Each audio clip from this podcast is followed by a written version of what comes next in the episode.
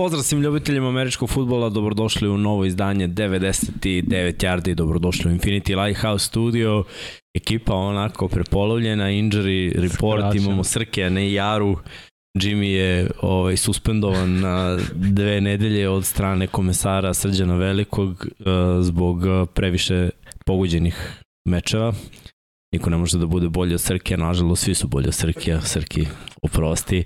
Nadam se da ste tu, da ste raspoloženi i spremni da pređemo kroz neke stvari koje se dešavaju u NFL-u, bilo je svega i svačega, jedna utakmica ovog osmog kola je već odigrana sinoć, na moje zadovoljstvo Baltimore je dobio Tampa Bay Buccaneers, a što se tiče ovako prehodnog kola i svega pričat ćemo, ali prvo da vas pozovem za jedan like, jedan subscribe, ako se niste subscribe-ovali na naš kanal, učinite to. Ako pratite naš sadržaj i cenite to što radi ekipa, nama to puno znači, vama je to jedan klik u principu. Takođe, tako još da pozovem ko nije bio na sajmu knjiga, slobodno neka poseti Halo 4 štand Infinity Lighthouse-a, gde možete kupiti knjigu NFL Dinastija u pretprodaj ili ako volite automotosportove neke od tih knjiga, takođe tamo su izloženi i majice 99 yardi, Vanja Roka svoju, ja sam se smrzao, moja ispod. Nisam, pa dobro, Rock and Jet se trenutno reprezentujem drugi. Za malo da mu podvalim. Ali nije prošlo. Ovaj, ali imamo imamo za sada dosta. Bilo je, ja kad sam bio ovo dva dana, bilo je ljudi raspitivali su se hoće li biti ove boje, one boje, polako, ona priča A, ide polako, ali sigurno pitali su i gde je to na sajtu. Perekri, Najviše mi je kažem pere kriv i nekako da se oslobodim svega. Inače što se tiče uh, majica, planiramo naravno i taj uh, special edition gde će biti timovi koji ste vi izabrali za sada i u prodaju. su baš za Steelers na sajmu tako je, danas. Tako je, zato što... Biće Steel Curtain, zato što nema, nema žute, crne, da što imamo već toliko majica i Kosmos i Lep koji su tim bojama i pomalo drugačije bude, malo da se vidi da su Steelersi. To, i onda kada bude custom, bit će custom, do tada su samo ove 99 yardi logo i opet da kažem na sajmu knjigu pretprodaju skoro 50% jeftinija nego što će biti u, uh mhm. prodaji, tako da fizičko izdanje ne postoji, znači vi ostavite podatke, sve i kada knjiga bude bila gotova ili dođete u studio ovde da preuzmete ili tako dobijete je. na kućnu adresu, vaš izbor kako god želite. Uh, što se tiče uh, piva, sek 9,9% alkohola je tu. Prelepo. Tako da ako želite da probate jer je ukus stvarno dobar, svratite do dogme, tamo možete Možda kupiti. Možda se tamo nađete. Nikad se da, nikad se ne zna. Tako da... Srke velikog sigurno. To je bilo to i Uh, ostaje nam, ostaje nam uh, Unicef. Unicef, tako je. Srke, ako možeš da, da pustiš tamo, Ovo eto već par kako kako izgledalo cool kad si otvorio i kako ti je pogled s leva krenuo ka sredini. Znaš kako je dobro izgledalo? Pa sad, sad će pogled da mi skrene, neka Vanja bude tamo u kadru da, da ne moram ja da se krivim. Inače, eto već par meseci uh, traje ova akcija od kako smo sklopili dogovor sa uh, Unicefom, pa Ako želite da takođe se pridružite, da, da pomognete onima koji nisu u toliko dobroj situaciji, slobodno, evo vidite, kao što piše dole na ekranu, pošaljite poruku na 200 ili 500 na broj 9656 i postanite mesečni donator UNICEF-a. Mi se naravno trudimo od kada smo počeli ovo da radimo, mm -hmm. da, da širimo našu priču, ali isto tako da, da pomognemo onima uh, kojima možemo, jer nije svako imao laganu priču od samog starta nekada i treba toga. biti čovek, ako ste u mogućnosti naravno, nije ovo kao da, mislim, mi kad pričamo ovako ono podršci na Patreon ovako to ono, ako želite, ako ne želite, mi, mi svakako radimo ovo što radimo zato što volimo i zato što je ovo neko ostvarenje našeg sna, u to naravno spada i da budemo veći i bolji ljudi. Tako da, tako ruku pod ruku sa UNICEF-om, pokušavamo da ispravimo neka zla ovog čemernog sveta. Uh, ajde da kažemo da je vreme za početak. Možemo imamo thumbnail, Srki? Baš je, baš je bio onako last minute. Last minute, brzinski. Last minute, ali da objasnimo zašto smo sve ovo odradili. Starački dom, zašto starački dom, zaboravio sam jednog starca koji je ovde fali. Koga si sve stavio? Koga, znači rekli smo Meta Ryan? Stavili smo Meta Ryana, zato je tu ova potkovica dole, Tako stavili je. smo Metija Stafforda i on je motorac. Jeste, Za, Zato je tu ovaj ja ovan. da Meta Ryan ovo konje, ali to je Russell Wilson. To je Russell Wilson, tako, tako je, je, pošto je i on motorac, tu je Tom sa svojim blagom gusar i tu je Aaron Rodgers sa uh, buđevim sirom na, na stolu, pošto nije freško i nije sveže i zaboravio sam uh, Andy Daltona, pošto je i on matorac, mogli smo ovde da... Pa, da... mogli smo, ali Andy Dalton više nije ni starter, ono sad malo starter. Ovo je ono koji su... Pusti imali smo očekivanja od ovih. starter, brate, nije starter, pa baci tri interceptiona. Pa znam, no, zato već sad mogu da kažem da je jedan od negativaca. Ne znam ali ova stara garda me onako prilično razočarala. Inače, ono što smo napisali, najava osmo kola, trejdovi i glasine, možemo odmah da otvorimo time pre nego što može, se bacimo na pregled kola, zato što ima dosta trejdova. Samo da napomenem, kaže, zašto se ti okrićaš samo levo, ljudi, e, Fali nema TV-a da. koji da. je tu pored nas i to je na sajmu i Play City na sajmu i ljudi uživaju da igraju formulu. Znači, da, da. ne možeš da veriš koliko ja sam samo niko za, nije za igru Medan kad sam ja bio dva dana. Nije, svi su zalođeni za formulu. Da, pa dobro, zanimljivo, volim da, da, da. se vozi bukvalno sedim tamo pored njih dole i ako su neki klinci, deca ne mogu da ohvate, ja im glumim. Da. Daj gaz, da, da, da. Samo vozi, bete. Bio je super, je stvarno i svi su ultra cool, ono, poštuju red, ko kad dođe, svako po dva kruga odveze, tako da je to veoma kod baš strava. Pa da, ne, i, pazi, kad smo moja mama oduševila na ono, štan, kako je bilo, bilo, bilo dobro. Ali ono, drugačije, drugačije od svih, stvarno. Posediti, sajam traje još dva dana, još subotu i nedelju i eto, čak i da ne želite da pazarite ništa što je pa Infinity Lighthouse uvek ima nešto za svačiji ukus da, da, da se kupi. Uh, malo tradovima. Može, Robert Quinn, tradovan, aj to mi je onako nekako ostavilo najveći utisak. Pričat ćemo i ovim drugim tradovima. Mm -hmm. Ja sam napomenuo još dok sam radio utakmicu da uh, Ajde, krenemo od Robert, Roberta Quina, pa ćemo onda. Uh, Chicago je na početku sezone malo pričao o tome da bi Robert Quinn mogao da ide dalje. Prošle godine 18 i posekova, ove godine sasvim solidnu igru. To mladoj odbrani Chicaga delovalo je nekako i on i Rokuan Smith bi mogli da odu s obzirom da Chicago nije potpisao Rokuana Smitha. Robert Quinn kao veteran možda se ne uklapa malo u ovu priču. Chicago nije baš srećan sa pikovima jer su stvarno dali mnogo toga u posljednjih 10 godina mm -hmm. na Trubiskog i evo sada Filca. na Filca. Tako da razumem potez od strane Čikaga, e, sezona deluje da će biti sezona za bacanje, iako se vidi napredak, niko ne očekuje apsolutno ništa od Čikaga, plus je razvoj situacije u NFC-u takav da mislim da ovo nije njihova godina da uđu u playoff i suviš ima timova, na primjer, na istoku i ako gledamo druga ekipa sa zapada bi mogla da bude wild card, a ovamo sever možda jedna, ali baš ono možda ako se nategne mm -hmm. i ista priča mi je uh, isto i za jug, ali iskreno čisto sumnjam. Tako da u izgubljenoj sezoni u Novči uzmi neke pikove. To je pik ima... četvrta runda ili šesta? Uh, mislim da je četvrte. Četvrte. Inače, što, što se tiče File, to je mala Odličan cena. Fila ima mnogo pikova, naročito što bi Saintsi mogli da im podare jednu onako On, lepo pika, pika da. pošto tako izgleda bar za sada. Fila je spremna za Super Bowl ove godine. I, i ovo je neka priča, ljudi će kažu, ok, mlad tim, Hurts nije, ovo ono, ok. Ja se sećam pre par godina kada je Baltimore imao onu breakout sezonu, Lamara u MVP sezonu. Te godine su napravljeni neki potezi ovako, tradeovi u sred sezone. Na primjer, odbrana nije bila utegnuta, Marcus Peters je došao. Vrlo važno pojačanje. Probali su da dovedu još nekog linebackera, da dovedu nekog edge, edge rushera. Onako kad pogledam šta je sve moglo da se desi, da su doveli jednog hvatača, trebalo je ići all in.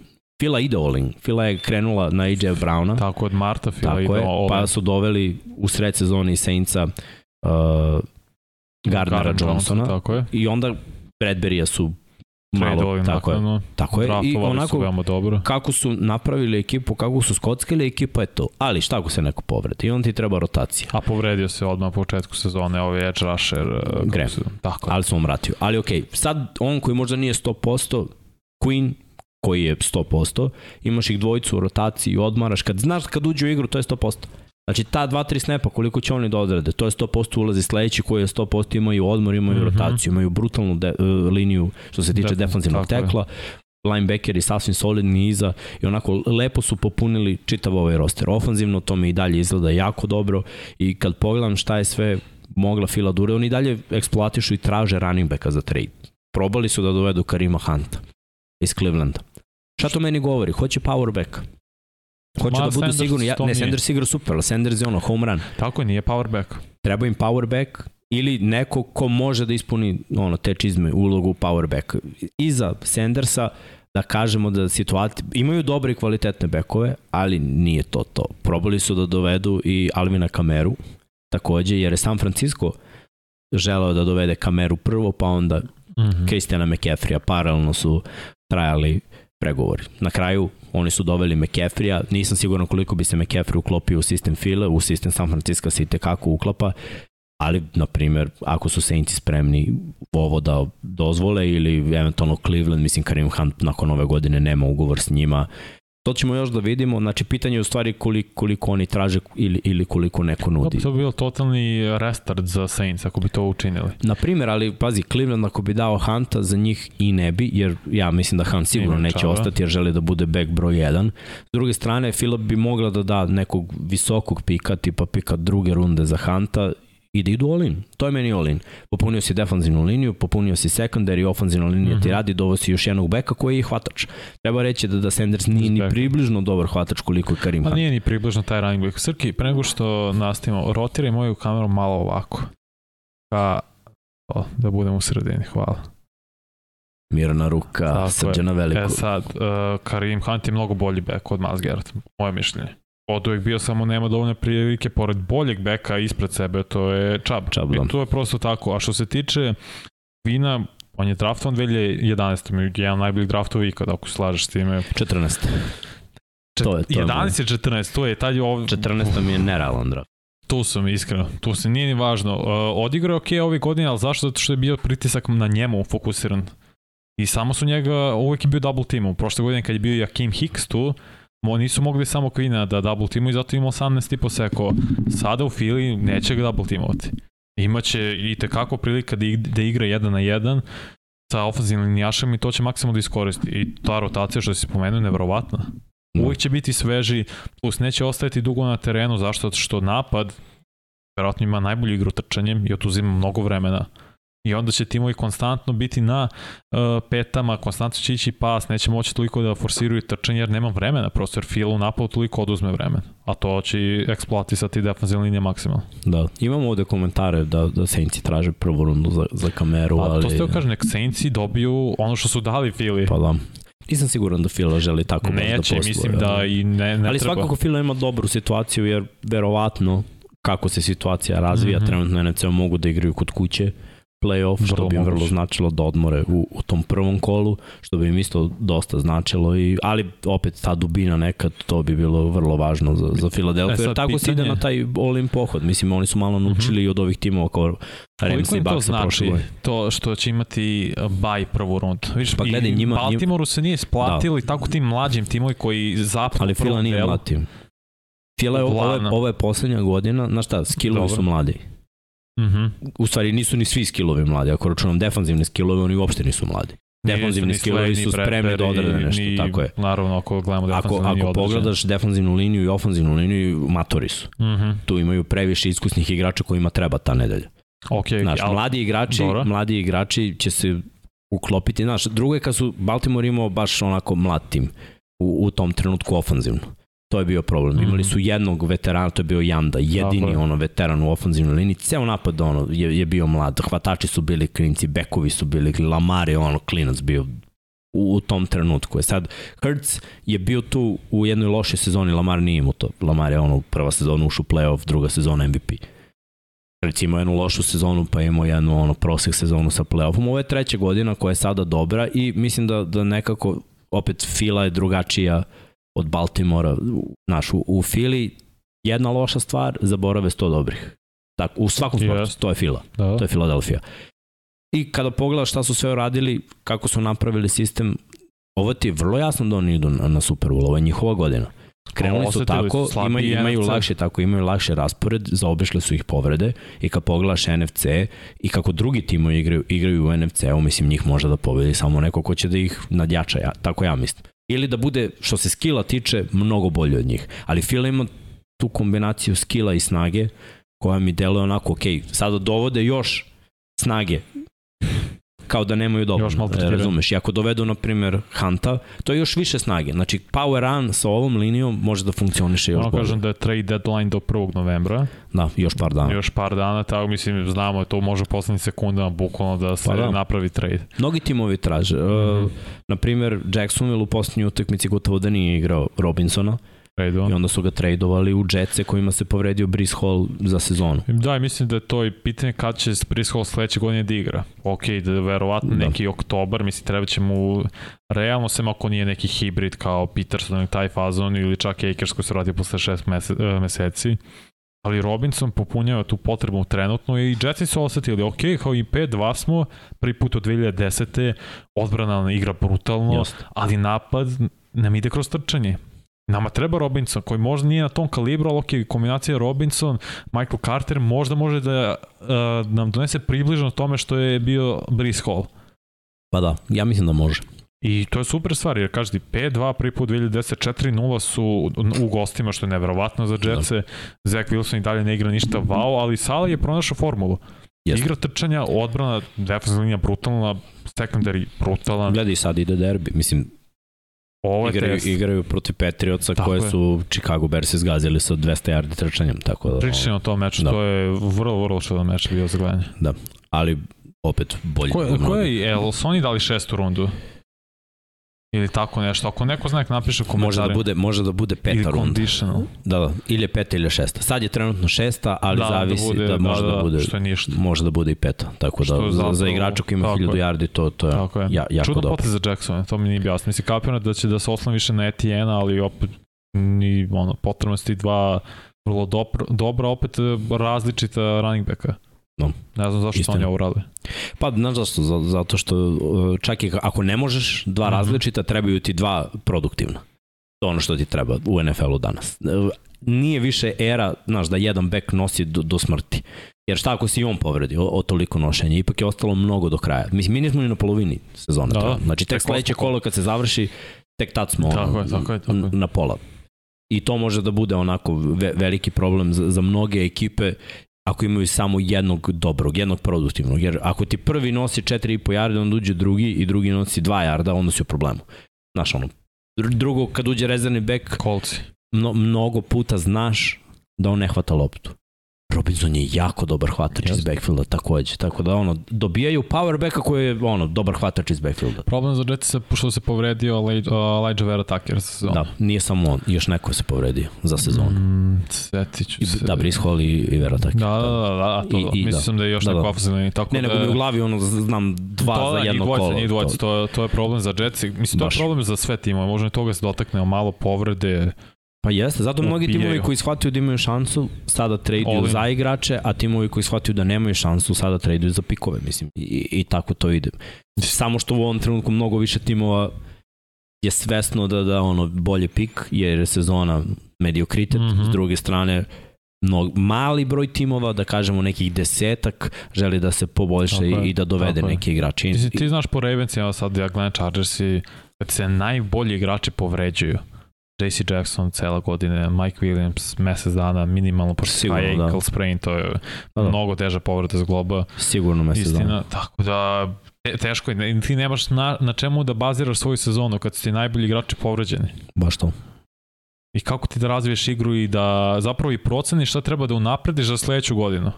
Daj pustimo sad ovu sezonu, da gledamo sledeću kao šta da znaš šta je loše, šta su mane ako su ti svi povređeni glavni igrači i ne možeš lepo da odradiš ni scouting ni pripremu za draft. Baš to. To je, to je problem, ne znaš gde su ti mane. Pa, znaš šta, može samo da se nadaš. Uh, čekaj da vidim ove vesti, da li, da li imamo još neki još neki e, trade. E, da, Srki mi rekao Shaquille Barrett. I Dobro, za celu sezonu Ahilov. Da, to, da, to smo sinoć već pretpostavili da se desilo. Tako je, tako je. Zato što je, ono, pazi, Ano, Tampa je igralo u odbrani brutalno dok se on nije povredio. Kad se povredio... Raspad. Tri touchdowna su dobili 200 nešto yardi trčanju kada nema pravog edge rushera. I eto, to ti je samo pokazati koliko jedan mm -hmm. dobar igrač može da promeni. Pa može, ali se nije videlo protiv Karolina, na primjer. On, mislim, to pričat ćemo, jer nismo izdvojili taj meč, a sam dodao za, da imao tu grafiku. Tampa ne liči na sebe. I nakon sinoćeg meča i nakon današnjih vesti ovo za Brady, ja mislim, pričat ćemo a, sve. Da, pričat ćemo. Verujem da utiče.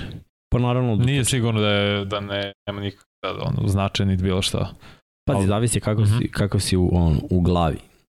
Ja, sigurno utiče, ali ako neko može da napravi tu mentalnu barijeru i da se ogradi od toga dok je na terenu, ne, ja mislim da, da, znaš šta, mislim da je to Kobe bio, uh mhm. -huh. ono, Jordan definitivno Tako. i, i Brady u, u američkom futbolu. Ima, ima ono, bilo je još igrača, dajde da ne nabrajam, ali znaš ono, to su stvarno veliki igrači koji imaju laserski fokus. To je, to je neverovatno. To, da, da te neke stvari koliko je samo bilo problema ono, u, u životu sa strane priče, koliko oni su u žiži, mislim, oni ljudi ne mogu bre da hodaju u ulicu normalno, je, razumeš? I ne, opet kroz sve to, kroz sve to oni rade neverovatan posao godinama. Tako da ono, utiče sigurno, ali u momentima kad znaš, staneš ispod centra i sve to, ja verujem da, da u tom trenutku apsolutno ništa drugo ne postoji osim toga. Ono, gde je lopta, gde su igrači i kako šta. I mogu da kažem, Brady sinoć odigrao jako dobar meč. Uopšte nije bilo do njega, ali pričat ćemo. Pa, pričat ćemo. Uh, hoćeš da krenemo sa pregledom protiv? Pa čekaj da imam još neki trade, mm -hmm. to, da znam da ima još neki trade, da mogu da se setim. out, da, da. zvanično, to je sad stiglo. A da li još neki trade bio... Te mi u glavi da, da, da je bio... Znam da Steelers, da Steelersi, da Packersi sve više i više zovu i traže veteranskog hvatača, jer i to je ono, raspad sistema. Nema nikakve konekcije, nema nikakve hemije, ništa konstantno nije, kao nešto slično kod Tampa, samo što kod Tampa ima rešenje, imaš hvatača. Koliko mi je dozvolio ovaj scroll da idem na dole, nisam video ništa. Vi ljudi pišete ja, ako... E, bravo, Kaderius Tony, da, Trade je otišao u, u, u Chiefs, da. Odličan e, potez za Chiefs, bravo. Pa gledaj, Meni Chiefs i, to, i Šone sinu što kažu u prenosu, naš, i, ono, baš je, baš je pitao, ja kažem, pazi, ako si lud u glavu, i imaš ono problema van terena. Dobrodošao u Chiefs, tako je. Mislim, ono, od Karima Hanta, preko Tyrika Hilla, pre toga u Fili, ono, mislim, on je to je Michael Vika, jedini trener koji je želeo da da šansu Viku koji je ono bio u zatvoru. Znamo svi već čega. Tako da kad pogledaš problematični igrači, nađu tri trenera, četiri trenera zapravo u NFL-u imaš koji su toliki autoritet i tako znaju da se postave kao psiholozi tim igračima da, da može da koegzistira taj igrač zajedno sa trenerom u tom sistemu. Jedan od njih je Andy Reid, definitivno. Drugi od njih je Bill Belichick, koji je isto imao problematične igrače koji su uzimljeni, samo što kod bila šanse, ša, da, da, ali kratka je šansa, ali gledaj, on je davao dovodio igrača, a do, doveo je, na primjer, Randy Amosa kad je Randy Moss imao problema. Uh, doveo je Oča Sinka koji je bio lutko struja. Doveo je Josha Gordona koji je ono Rastaman. Uh, doveo je uh, čekaj, koga je još doveo? Do, doveo je još nekoga, Antonija Brauna, ko je ni, ni lutko struja, nego ono, definicija ludila jednako yes, AB. Yes. Strašno, strašno. Da, tako da ono, kad pogledaš, bilje jedan od njih, Pete Carroll je jedan od njih. A, a sva trojica na totalno drugačiji na drugi, način. Tako je. I četvrti koji je tek na totalno drugi način je John Harbaugh. Jer i u Baltimoru uvek ne, neka, neki ludak završi, samo što on se uklopi u taj Raven Way ili ne. Ali to su četiri trenera koje ono, gledaju te, prihvatit ćemo te takvog kakav jesi, nemamo problem s tim, ali moraš ti da se uklopiš u našu sredinu i u našu zajednicu. Jer ono, mi prihvatamo i tvoje mane i tvoje vrline, ali ne smeš ništa raditi na štetu tima. Mislim, Earl Thomas kad je došao imao je ono sa sobom ozbiljan baggage, mm -hmm. nosio je sa sobom ono kofere kostiju i gledaj, sve je bilo okej. Okay, dok nije odlučio da nabode sa igrača da, na teren. Okay. U tom trenutku, doviđenja prijatno. Ali ono, bila je priča i za Jacobija Jonesa pre. I svaki od ovih trenera je imao mnogo, mnogo igrača koji su bili lajsne, ali na kraju su ipak davali šanse novim igračima. Tako da Kaderius Tony... Čekaj, Kaderius Tony sa Floride, da? Ja mislim da jeste. E, to su ti igrači sa da. znamo koji je preigrao sve tamo. I a ko je to generacija? 2010. 11. čini se. Nađite na YouTube, ima odličan ili dokumentarac ili negde na netu koji je taj tim pun raznih ličnosti, je tako da kaže da sad da. ne nabrajam ko je šta radio, predvođeni jednim vrlo pobožnim čovekom Tim Tibo da. osvojio, da. to je baš to, tako priča. je, pa Bill i Hernandez, oni su znali da Hernandez ima da. zaleđenu ono, krim, Dali su sve. U kriminalu, ali ono, dali su mu šansu. Gle, nije, da li neko od njih Niko od njih nema 100% procenat uspešnosti sa ovim igračima, jer to je jedna nepredvidiva, to je ono, ti ne možeš da znaš da li ćeš uspeti da, da ga preobraziš ili ne. Svako, Gordon je bio zanimljivo i u Seattle. Jeste. I na kraju gde je... Sad nije u Chiefsima. Ne, bio u Chiefsima. tako je. Znači eto, to, to je igrač koji je od ove četiri ekipe koje sam pomenuo bio u tri. Da, čekaj vas. Da, ali nije uspeo ni u jednoj. Zato što ono, ima, ima čovjek svoje probleme. I opet kada pogledamo mnoge ove igrače, uh, teško da, da mogu da krivim trenera što oni nisu uspeli. Kadarius Tony je još mlad. On, sam, sam, on nije drugo godine. Jeste, ali gledaj, on je nedisciplinovan, usijana glava koja istripovala ono, ja mogu da budem ja u NFL-u. Ne druže u NFL-u, ti ako si uspešan mnogo, možeš da budeš ti. A ako si još uvek mlad igrač koji se nije dokazao, da ćutiš i da pratiš pravila. I sad, on je u Giantsima prošle godine istripovao jednu priču s jednim trenerom. Došao mm. novi trener koji ima svoja pravila. Tako je. Nametnuo svoja pravila, on nije ispoštovao pravila. Doviđenja prijatno. I, i, to, I to se desilo. Ne, Srki ovde skida da, da, da, komentare. Tako je, bravo Srki. Znaš šta je super kod Tonija što ga mnogo teško boriti? Gledaj, on, on je jako talentovan, on je jako da- talentovan igrač. Yes. Samo treba da upadne u ovaj sistem treba da spusti glavu, da nema, znaš šta, najbolje je Chad Johnson to rekao kad je došao u Patriots. Šta je prvo što ste naučili kad ste došli u Patriots? To shut the fuck up. to je prva stvar koju je rekao. Razumeš, to sam naučio. Jer prvo dok sam ono pričao i pravio gluposti i sve, to sedao sam na klupi. Čim sam naučio da ćutim i da ne budem ono oča sinkove, Chad Johnson, dobijao sam više šanse. E to kad Darius Tony mora da nauči. Jako je mlad, pazi, a Chad Johnson je bio pro bowler i svake godine ono hiljadu da, da, plus je to pred kraj karijere. Ali je imao ne, jako dobru karijeru pre toga. Tako da, da, da kad da. pogledaš, ono, Tony dolazi da bude još jedan od opcija. Kelsey je prva opcija, svi ostali su opcija broj 2. Znači sad je utakmicu imao Mihol Hardman pred dve, Juju. Hardman pred dve nelija Juju, nikad ne, Valdez Scantling imao dobar meč i sada, ali ono, pojavi se tu i tamo. Još jedna opcija njima puno znači, jer Sky Moore, ono, za sada ne dobije uopšte šansu, a na pantovima zaista pravi gluposti. Pa, Hajmo nikad nije na koleđu, sad nije vraćao pant, niti bilo šta, ovo je za njega novo. Dobro.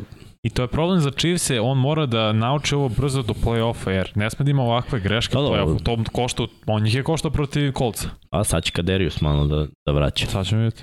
Tako da ono, eto, mislim da, da, da je to to, da smo ispričali što se tiče toga. Uh, inače, vreme da se bacimo na utakmice.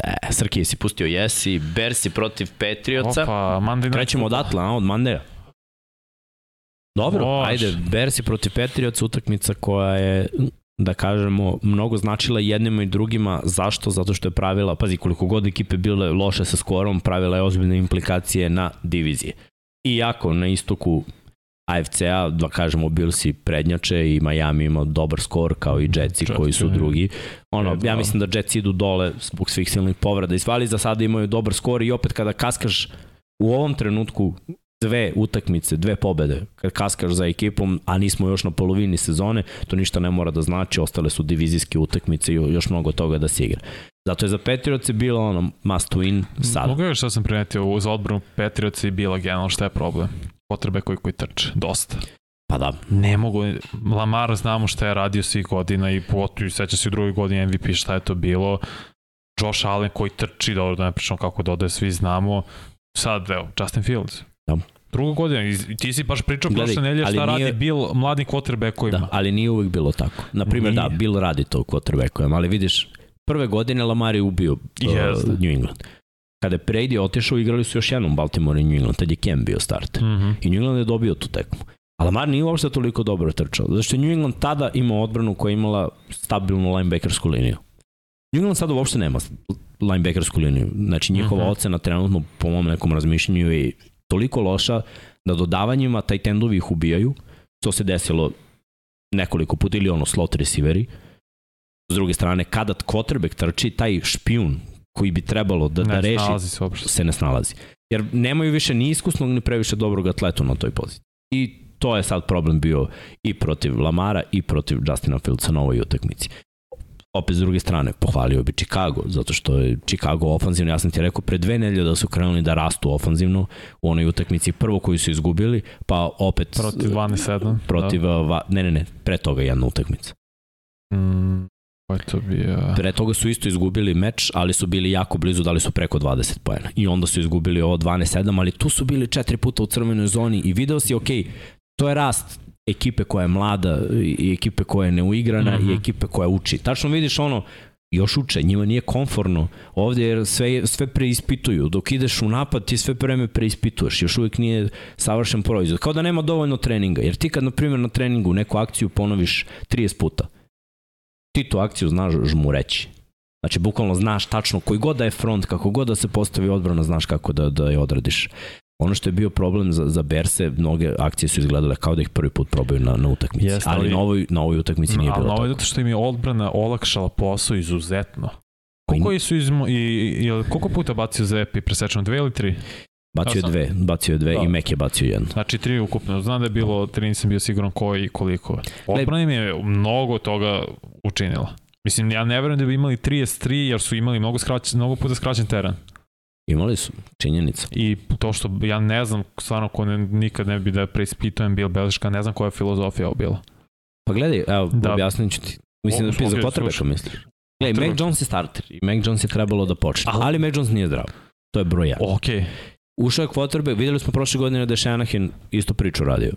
Ušao je Garoppolo da startuje, bacio je interception, nije delovao dobro u džepu. U džepu ako deluješ dobro, ako se krećeš i da baciš interception kako treba, mm -hmm. trener neće ništa da ti kaže. Ali ako vidi da ti imaš nedumice oko toga da li da uđeš u džep, da li se stiskaš zbog te povrede koju imaš, Skoba, tako. ne treba da igraš. I nijedan igrač nikad neće reći, evo veruj mi, nijedan igrač nikad neće reći ne mogu. Pravi igrač.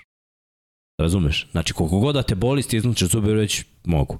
Ali čak i ti ponekad u sebi misliš da ne možeš, ali uvijek imaš taj mentalitet koji te tera, ma mogu.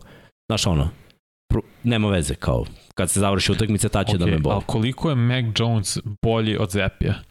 Samo Gledaj, na ovoj utakmici ni malo. Ne, ne, uzimam primjer prethodnih par, gde napad stvarno izgledao fluidniji i imao više konstantnosti sa Zepijem na poziciji quarterbacka. Pričam pa napadu, poredim ta dva. Da, znači, ali Zepi kad je došao na ovu utakmicu, kad je ušao u igru, prvi drive je bio 4 od 4 touchdown. Da. Prvi drive.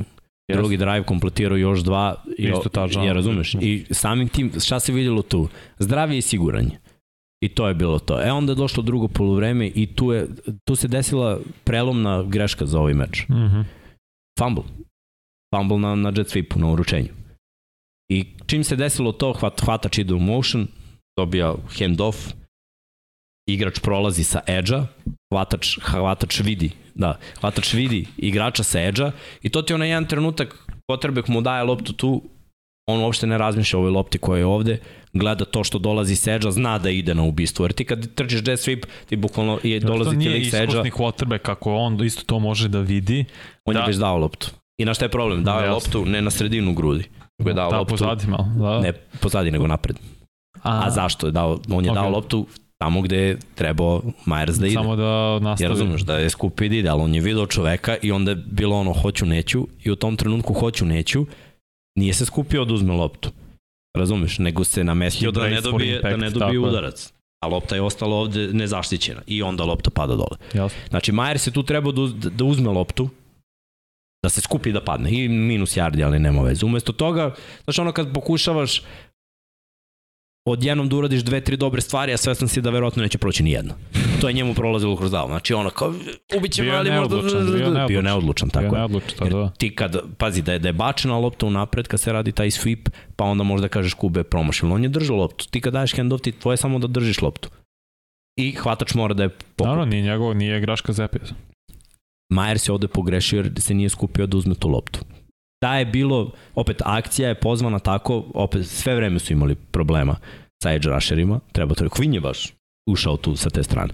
Quinn koji eto sad je u fili, ali pravio čudo. Svi reakciju Rockman Smith.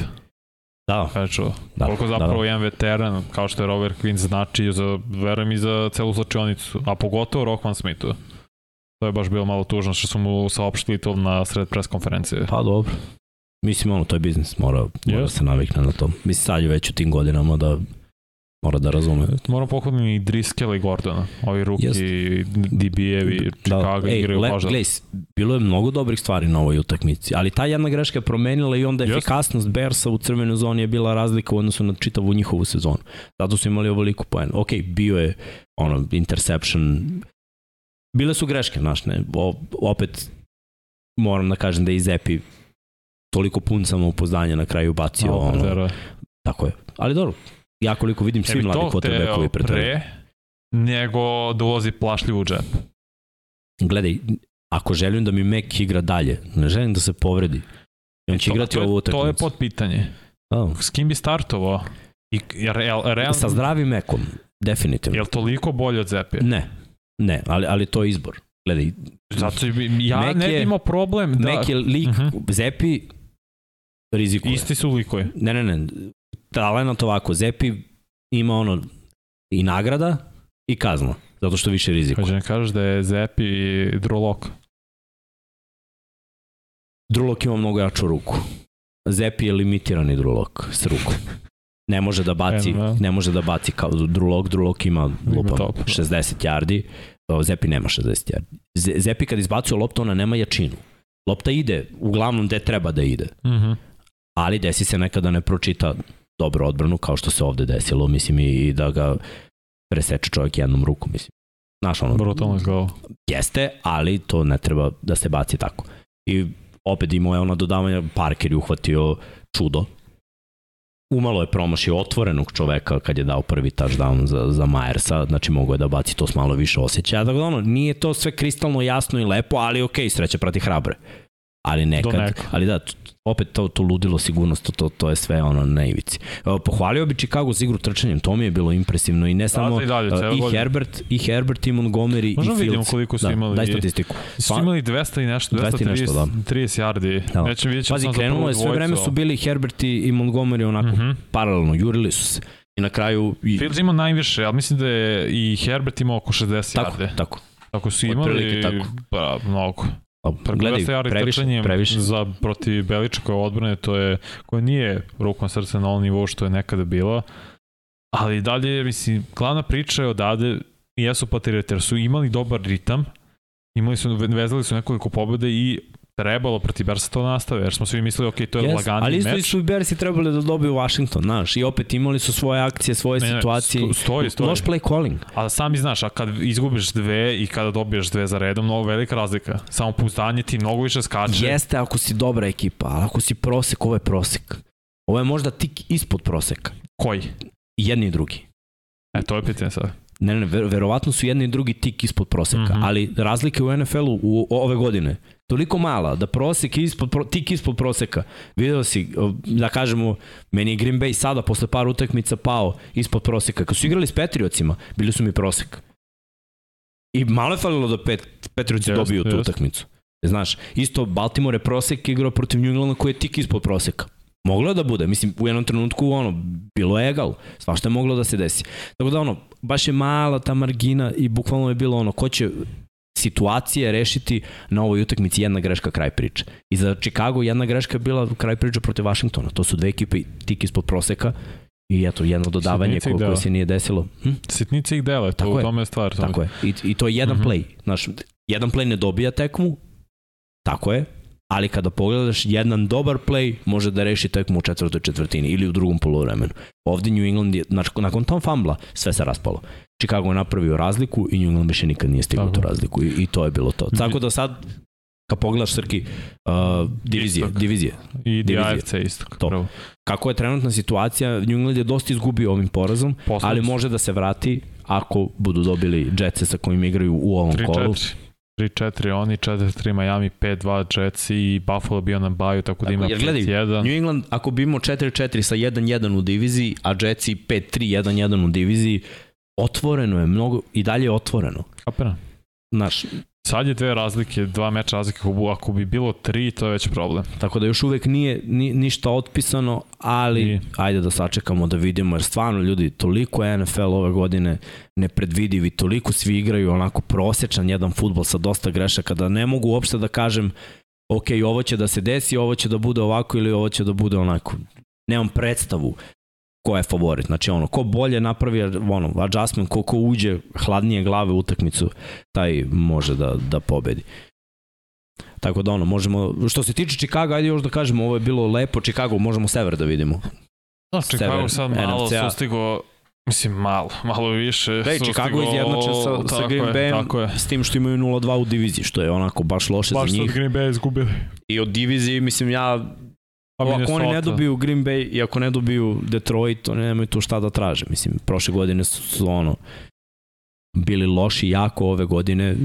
Znaš šta, meni bi bilo uspeh za Chicago da, da oni naguraju na nekih 7-8 pobjeda ove sezone. Pa, I eto, čisto da kažu, je okay. NFC trenutno i 7-8. Nije nemoguće, mogli su da imaju još par nije, pobjeda nije, više. Nije, moglo je. Poslednja stvar za Patriote, Da. Dao bi šancu Mac Jonesu, samo da vidim šta može u drugoj Mac. godini. Igraće Mac. Jer znaš sam koja je razlika između bilo kog igrača u prvoj i drugoj godini. Zašto? Znam. Jer imaju tape. Jeste. I sad znaju koje su ti tendencije, koje su ti vrline, koje mane i pa, samo hoću da vidim da li može to Mac da prebrodi. Gledaj, Mac dve, tri stvari radi jako dobro. Sigurno kratko dodavanje i trčanje. Trčanje si mu oduzeo sa high ankle sprain. I više nema tu sigurnost ulaska u džep, jer kad je ušao u džep, mm -hmm. Kalajs ga je prelo, prepolovio. Razumeš? I sad on igra sa nekom dozom sumnje u drugoj godini. I ovo što je bilo uradio nije loše, jer on 20 godina nije mogao ovo da uradi. Ovo je sada prilika to ono što sam vam rekao. On je sad uradio nešto da pokuša da ih natera obojicu da skapiraju da je mesto kvotrbeka upražnjeno za ono ko je bolji. I to treba dobrog igrača da natera da radi da uzme to, Tako a ne da bude ja on je ubacio drugog igrača, mi to mene, me, me. Ne, ne, ne vrem da će to su, to su mlađe generacije, padaju u glavi vrlo brzo. Ne, ne, ne najbolji da igrači su često stavljeni na klubu yes. i on izađe sledeću utakmicu i izdominira. Yes. To treba da se radi. I trener treba tako da, da, da igrača stavlja u situaciju. I treba bude takmičenje zato što ni jedan ni drugi nisu pokazali da su specijalni quarterback, da nisu je. ništa wow, to je problem. Ma, možda su malo iznad proseka ili su prosek, možda. I zato ti imaš tu, mislim sad da li je to dobro ili loše, ti ako imaš dva quarterback, ti nemaš ni jednog. To je ono što svi mm. kažu. I to je, u tome sad hoće Patriote provali da li imaju jednog quarterbacka. Ako nemaju, to je problem za budućnost. Pa da. Mada, opet, Patriotsi su u rebuildu kao i Chicago. Da. Kada ova utakmica je bila ono, ok, iskreno drago mi je da, da nije bila na mali broj poena, videlo se svašta, vidio se napredak. Evo, koja je razlika u stvari kako nedelju odmiču kada više malo na treninzima prolaziš neke akcije i situacije Napad, kada se uigravaš, znaš, da. sve, sve izgleda bolje. Možemo dalje, dalje. Srke. Ek, nešto što ne dalje ne izgleda fluidni i uhotio se sa glavom, da, sve ajde, to ajde, okay. ajde, ajde to da kažemo, zašto ona potkovica bila u staračkom domu, zašto se Matt Ryan povredio i neće igrati, tako da Sam Ellinger je starter za kolce od sada pa nadalje. Ali Matt Ryan je na ovoj utakmici bio ok, jako je bacio, jeste, uh, 9 interseptiona, 11, 11 fumblova. Ne, zar nije 11 oba? Čekaj da vidim. Zar nije 11 oba? 11 izgubljenih lopti. Ne, 11 fumblova i 11 presečanih. Ne znam. Ajde sad ću pogledati nastav. Ja, ću ja mislim da je 9. Ajde pogledaj. Ajde ti, mislim, ja ću pogledati nisam i siguran. Svakako nije bilo dobro za Metarana, svakako nije bilo dobro za kolce, ali ovo je nešto što smo mi pričali. Kultura Tennessee-a jeste u posljednjih nekoliko godina od kad je Vrabel tu, da su oni bolji tim. I samo je Rivers mogao sa onom ekipom Mlado. sa ekipom željnom kolca koja imala dobru odbranu i koja je radila posao u napadu da dobije. I to su čak i oni prepolovili, bilo 1-1 te godine. Mm -hmm opet Tennessee ima neki identitet, to je jak futbal na liniji skrimidža, uh, agresivan futbal, ofanzivno i defanzivno, futbal sa dosta trčanja i Derrick Henry 30 nošenja za 128 yardi govori o tom jakom futbolu. Znači, mora da se zna ko je najbolji bek trenutno u AFC-u. To je definitivno Derrick Henry. I to je jedan od razloga zašto sam ga ja stavio prošle godine kad smo radili ranking, ono, top 10. Jedan, devet presečanja. Da. da što sam ga stavio na mesto broj 1. Derrick Henry za ono, pola sezona, šta je uradio prošle godine, ono je bilo čudo. I pokazao je, znači onda je nastavio da igra tako, imao bi više yardi nego Taylor koji je izdominirao prethodne godine. Yes. Kolci imaju dosta problema sa ofenzivnom linijom ove godine i mislim da Pazi, to je jedan problem. Kada Dobro. ne uspostaviš trčanje, sada fale taj tendovi i sada fali produktivnost, metranje previše krh, nesiguran. Kad vidiš u proseku Taylor 10 za 58, ok, 5,8, opet mi ne da kao da mu nisu dali dovoljno šanse. Nije da je sad meč bio... ne pomeraju se, ne pomeraju se lanci. To je problem. Ne znam, ali tu bi Njima meč... mnogo toga uh, fali. Online je loš. Koliko je napad Tennessee postigao poena? Zar nije bio nije pick mnogo, Nije mnogo. Pa, Glej, nije 12. mnogo, ali šta su drugo radili? uspostavili su dominaciju ofenzivno mm -hmm. na liniji skrimidža. Jer gledaj, ti ako si, na primjer, imamo isto yardi ti ja, ali ja sam moj yard osvajao 3, 5, prvi down. Znači ja sam već dva minuta duže na terenu od tebe. Ja razumeš, a ti si tipa na keca osvojio prvi down mm -hmm. i nakon toga pantovo. A ja sam opet osvojio novi prvi down, znači ja sam sad 4 minuta duže na terenu od tebe. Znači moja odbrana 4 minuta više odmara dok se napad tvoj hladi. I Znaš tako kada uzmeš... više prvih downova? Jesu imali kolci? 17, ovi 16. Neko je ali, na, ali, ali, ali na dodavanja. Na dodavanja metarana. Koji gledaju? Odigrao... Uh, jeste, passing first downs, 12. Je, koji je odigrao bolje. Odigrao je, opet ih je on košto i to je nevjerovatno. I... Ali to gledaj, zato što mu mm -hmm. stavljaš loptu, koliko puta bacio? 44. Mnogo. 44. Previš. To je ono čemu ti pričam. Sa 44 dodavanja, koliko je 12? Znači četvrtina. Malo više, da. Ja razumeš, da. previše dodavanja. 33 je kompletirao od 44. Ovo trojka, Taj, ta zamisao aha. ofanzivna, da tako igraš, ne nije dobra. I ne funkcioniše i ne dovodi to. Nemaš ni ofanzivnu liniju za to. Niti imaš taj tenda za to. Jer gledaj, ti taj tenda može da koristiš kao nekoga ko će da čipuje pre nego što ode tako je, tako u release. I onda quarterback ima malo više vremena. Da či... Tenis je, mm -hmm. znaš kako tenis igra? Ispod centra, running back na 7 yardi, Zaleti uručenje. Se Ispred, ispod centra, running back na 7 yardi, play action. Svi se skupe u boks, ti izađeš, kotrbeka niko ne pipne, on je na, na rolloutu, na, na play actionu otišao na 7-8 yardi dubine. I ako ima vremena da kompletira visoko, ako nije puko secondary, on će da pronađe neki check down, da baci malo yardi, ali će da baci da kompletira. Pogledaj se koliko fali AJ Brown zapravo... Tennessee, ten, mnogo. Tannehill, da, mnogo. Lej, Vra, možemo vidimo koliko je bacio, imao je mi, možda 166 Tannehill igra tako, ispod 200 yardi, ali Tennessee dobija. Pročiti, ja ne vidim bukvalno dade, znači... 132 yardi. Lej, znači, ne, i 13, još ima fumble. 13 od 20, Tannehill ne igra dobro. Ali ne Tannehill igra, limitiranje, to to. Dovoljno da oni pobede. Tennessee ne radi ništa, osim što imaju svoj sistem. Znaš šta radi Tannehill? Tannehill ne, ne odmaže ti u pobedi. Pa trenutno da. Trenutno. Pitanje je kad hoće, ali trenutno ne. Ali imao je fumble, ali što, što krenem kažem pa velika... Pa ovaj... O, ovo je posebna priča, zato i bench on za celu godinu. Velika trojka u defensivnoj liniji. Otri, Dupri, Simons. Simons, da. Opet svako posek. Da. Neprijatno je za bilo koga da igra protiv njih. Jete, gledaj, Tennessee ima agresiju koja pali. Jednostavno funkcioniš. I sad ti, ako hoćeš da dobiješ Tennessee Titans, ili ćeš da ih nadjačaš, To je ono što pričam. Znači, ili igraš ono, kao sileđija, da ih prebiješ i da trčiš protiv to njih više, Buffalo. ili da ih raširiš i da iskoristiš skill. To može. To mogu City. Buffalo, to mogu Chiefsi. Imaju ekipe Miami. po nekoliko hvatača. Razumeš? I onda kad ih nateraš da se rašire i da ostave malo igrača na liniji koji, koji vrše pressing, ako to skupiš, ti igraš protiv njih. Kolci nemaju te hvatače. Nemaju, nažalost. A kolci nisu dovoljno fizikalni da ih nadjačaju.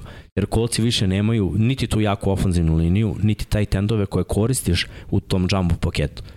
Jer ofanzivnih linijaša je pet, a kolci dok su trčali prošle godine stavili su dvojicu ili trojicu još da pomognu blokiranje. I onda imaš onako prilično jak paket pa na liniji skrimidž. Pa nije bio Doyle, bio i bio Moel i Cox, isto još je, još neko on je, bio. On je tu i sada, ali znaš, sad je usamljen i nije to to. Doyle je bio baš malter mm -hmm. za tu mhm. ofanzivnu liniju. Doyle je prilično zahvalan taj tend dobro blokira, jako se dobro otvara iz blokova kada radiš play action. I onda naš zamisao Rajha u zaista u poslednjih par godina kao da je ovo sve napravljeno za Andrew Alaka yes, ko, ne, koji je da svemoćan, a on pokušava do svih drugih quarterbackova da ih uglavi u taj sistem. To nije dobro. Znaš, Vrabel i, i treneri, prvo i Arthur Smith i sada, oni znaju šta imaju od Tenehila. Prosek. I imaju brutalnog beka. Trči, play action. Nemaju oni shotgunsa, kada si vidio te, da izgledi tenisica za ono, ubace oni hiljarda kao drugog beka i pokušaju nešto, ali oni nemaju sprek. To će koštati za dalji prolaz, to je za dublji prolaz u play-offu. Ovo su dve... Limit, da. Limitiranost prosto Tenis je prosek ekipa, kolci su tik ispod proseka ekipe. To smo očekivali pre ovog kola, to smo dobili, to se i desilo. 19-10, to je rezultat dve prosečne ekipe. To je da, da. prosek i ispod proseka. Da, to je to. Tako da, da ono, verovatno će prvak ove divizije pa ući u play-off i to je Tennessee. To je on kako tako krenuo. Bar, tako da. bar deluje za sada. Ej, daj nam da vidimo jug. AFC, AFC. jug, da, da. Gde ono, Jackson ili isto, 3 -3 po tonu, tako je. Houston Jack. igra Houston je 1-4-1. Da, Houston I, ima tu jednu Raidersa, pobedu, da, da. igraju protiv Raidersa, tako da teška priča. Jackson nakon 2-1 izgubili su 3 za redom i ne izgleda Sad igraju u Londonu. Sad ih da protiv, protiv Denvera, Denvera, koje to je opet, tu mogu da iskoriste dok se Russell Wilson zagreba sa, na avionu. Kolci od sada sa Samom Ellingerom. Tako, to će biti zanimljivo da vidite. I mislim da ne, mislim, Sam Ellinger na Texasu je imao momente da je blistao stvarno i bilo nekih wow trenutaka pod velikim svetlima, ali uglavnom je to bilo prosek i na college. Nije to bilo sad nekog velikog istupanja da je on odigrao nešto no. brutalno. Pa ne, bio je ono klasičan uh, college quarterback. Znaš, imaš svoje momente, velika škola, Texas, svi znamo koliko su ljudi ludi za futbal, za američkim futbolom u Texasu, to je tamo sve na mnogo većem nivou ali nije nikad bio sa neki wow NFL prospekt. I u tome razlika. I baš znanja kako će se da snađe. No, inače, ajde da kažemo ovako, Tennessee igra protiv Houstona i vrlo lako bi mogli da dođu do 5-2, s obzirom da Henry dominira protiv Houstona i da uvek ima 200 yardi protiv A, njih. I protiv, juga, da, tako da, ono, kada pogledamo, sad naravno imamo ovde mišljenje ko je najbolji u AFC-u, da je Chubb najbolji. Mislim, Chubb dok... Chubb igra. Chubb igra ove godine, da, bolje, ali kada pogledamo... Stiže ga Henry. Da. Polako. Plus Henry idu lakše utakmice. To Čabu ne odgovara. Naravno. Da, da. Dobro, da vidjet ćemo oni sad sa Sincijem. Da, to moramo da spomenut ćemo. Spomenut ćemo. Ajmo dalje. Ajmo. Ta, ta, ta. Ja, kad sam već kod Čaba, da. vidi ti to. Ej, Blizu. solidna utakmica nije, nije, mislim za Čaba, nije bila toliko dobra nije, nije. kako, kako Čaba ume. Uh, ofanzivna linija, s obzirom da, da je odbrana Ravensa šuplja protiv trčanja, ali Brownsi to nisu iskoristili. Ja uh, verujem da piše Brissett, a ne piše Hunt. To je glavni razlog zašto su Brownsi izgubili. Opet nisu dovoljno koristili Karim Hunt. Pa znaš šta, i nije samo, i nije samo to razlog. Baš je bila egal utakmica i ofanzivno, verovo ili ne, s obzirom da su po mom mišljenju Brownsi tik ispod proseka, mm -hmm. ovo je okej. Okay. Da, opet Ovo je jedan, jedan šut od nerešenog, Jeste. ono, jedan taj šut koji je... nije bio da. savršen. Ne, ne, promašio je. Da, ne mogu da vidim. Promašio je, promašio je šut za izjednačenje. Da. Na kraju. Moglo da bude... Ruki kicker. Moglo da bude 23-23. I onda kad pogledaš 23-23 protiv Baltimora koji je kao prosek, a ti si ono ispod proseka sa rezervnim quarterbackom, što je to loše? trčanje je išlo, znači da kažeš, pa dobro, Išlo je, imali su više od 100 yardi trčanja. Ne, jesu, ono što smo pričali i ti spomenuo da je odbrana Revisa šuplja. Jeste. I ja sam očekivao će Hunt tu, pardon, da će Čaba imati oko svojih 130. I trebalo je, gledaj, da su imali 130 i da su rešili, prvo da su u crvenoj zoni rešili neke stvari, ne bi bilo ovde 20 poena. Ali Remensi su zategli odbranu u crvenoj zoni. To su je pohvalni njihoj odbrani. Tako je. Koja je odradila posao opet kada pogledam malo Brownsi, koje su njihove šanse bile defanzivno, oni su defanzivno jako šuplji. Oni su defanzivno imali... Mnogo čudno, jer oni imaju mnogo no. talenta odbrane, ali oni imaju da talent, ne mogu iskoristiti to. Oni imaju talent godinama. Da. Oni godinama ne znaju da iskoriste talent. Je to talent. do coachinga ili do čega je? Jel ti stvarno... Gledaj, između ostalog je... Elitan do... talent si draftovao? Jeste. Između ostalog je do coachinga i u nesnalaženju u datim situacijama. Nekad i coach kad te postavi u savršenu poziciju... To inteligencija onda? Pa, brate, nekad i nije futbolska inteligencija koliko uradi šta treba da uradiš. Oni se nekad nađu u savršenoj poziciji, odrade odbranu savršeno i neko promaši tekl. Okay. Jedan tekl promašiš, za znači, to drugi lik promaši drugi tekl mm -hmm. i, i umesto lupa minus yardi ili ono 2 yarda 4, ti imaš 5, 6, 7, tako. tako je. I onda to već nije dobra odbrana. I to je nešto što fali njima sve vreme i ne znam kako mogu da, da to nadomeste opet kad pogledam protiv Baltimora su imali rezervnu ofanzivnu liniju opet. To je defanzivna linija morala da iskoristi. Nije iskoristila u, u dovoljnoj meri. I možemo Srgi ponovo statistiku. onda si trebao da ih postaviš u boljoj situaciji kao defanzivni defanzivna šema ti bude da Miles Garrett bude u najbolji mogućoj situaciji protiv najgoreg ofanzivnog linijaša. Gledaj, mogu si ti da ih staviš i oni su bili u toj situaciji. Kako je Baltimore rešavao taj raš, trčanje, koje nije išlo, by the way. Znači, da, vratio nisu, se gas, nisu, nisu stigli do Lamara. Vratio se gas do bas, istračuje dva touchdown. Šta ti to govori? U crvenoj zoni kada su Brownsi najviše trebali da stegnu odbranu, da napune ono sve, Aha, tad nije prošlo i tad su Ravens uspeli da ih nadjačaju. To je ono, ako nemaš skill, probaj da nadjačaš.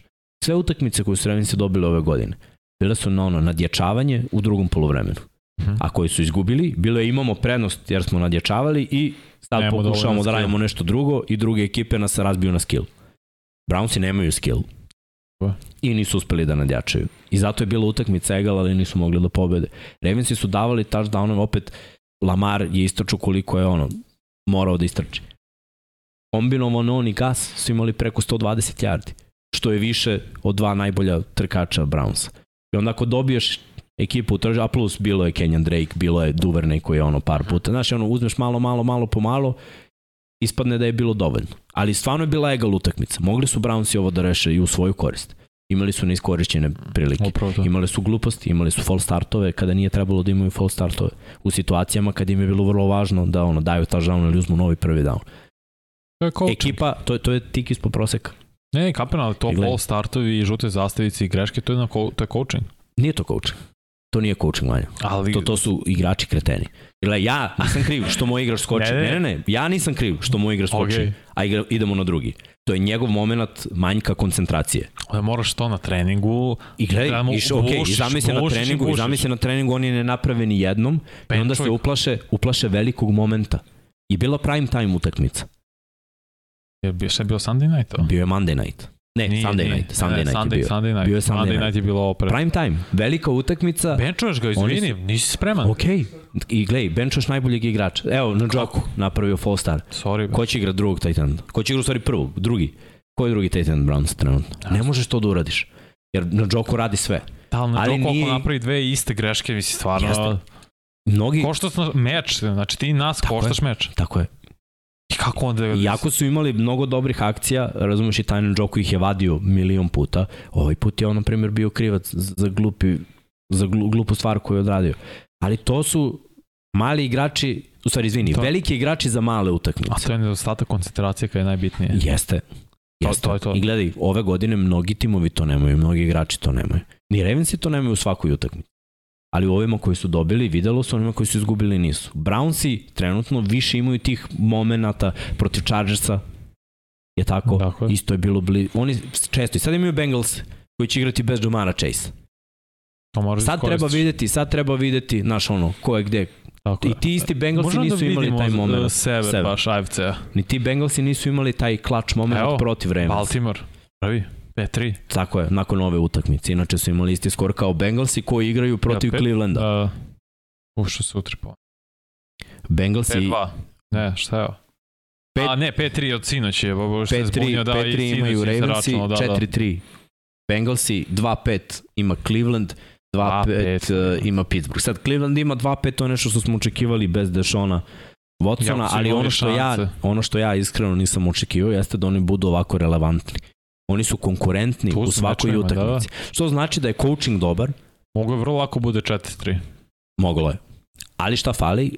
Fale, uh, fali koncentracija i učinkovitost u tim krucijalnim momentima kada je naša ono sve na liniji, kad se lomi, kad se lomi to, tekma. Fali ti quarterback, fali Nije to quarterback. Gledaj, quarterback je ovde odigrao meč da mu ja pružim ruku i kažem bravo ne, ne. Burazeru. 22 je kompletirao 27. Ali šta je bilo protiv Chargers?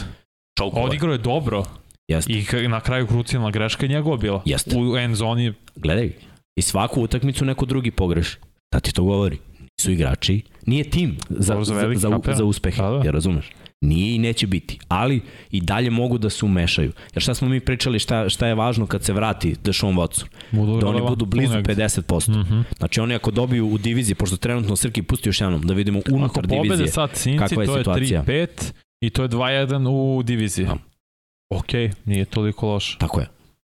S druge Ali strane, Cincy ako izgubi, 0 ima 0-3 u diviziji i onda je to problem. A Cincy trenutno igra jako loše u diviziji, a igra jako dobro protiv ovih ekipa van. I u drugoj konferenciji. Oni su čepili Atlantu. Ono, s pola gasa. Da. Ali, ono, to je druga konferencija. To je ono, trenutno nebitno. Tako da ovo, za Cincy vrlo važno, bez Jamara Chase-a bit će jako teško i opet odbrana protiv trčanja. Koliko će biti out? Ja sam siguran da će biti mesec dana out, jer ono, to uopšte nije naivno. Znači, realno a, do decembra.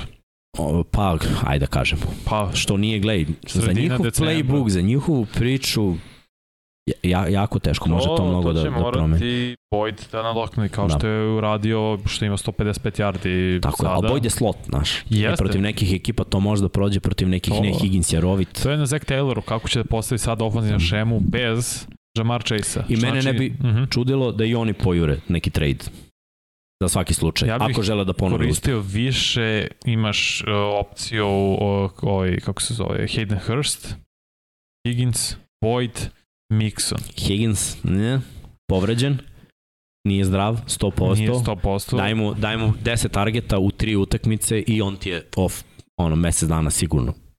Treba ti sveža krv. Mislim, gledaj, imaju oni na rosteru nekoga, imaju. samo je pitanje da li žele to. Ako žele da ponove uspeh, moraju da pojure nekog mladog ko nije zadovoljan, ko može da ispuni za ovih mesec dana ono ulogu drugog, trećeg hvatača. Ti sad Elijah izlaziš Moore. u setu sa dva hvatača. Elijah Moore. Tako je, i, i Hurston. Elijah Moore, Mims, kogod, daš neke smešne pikove, dovedeš nekoga ko je ono role player, role player.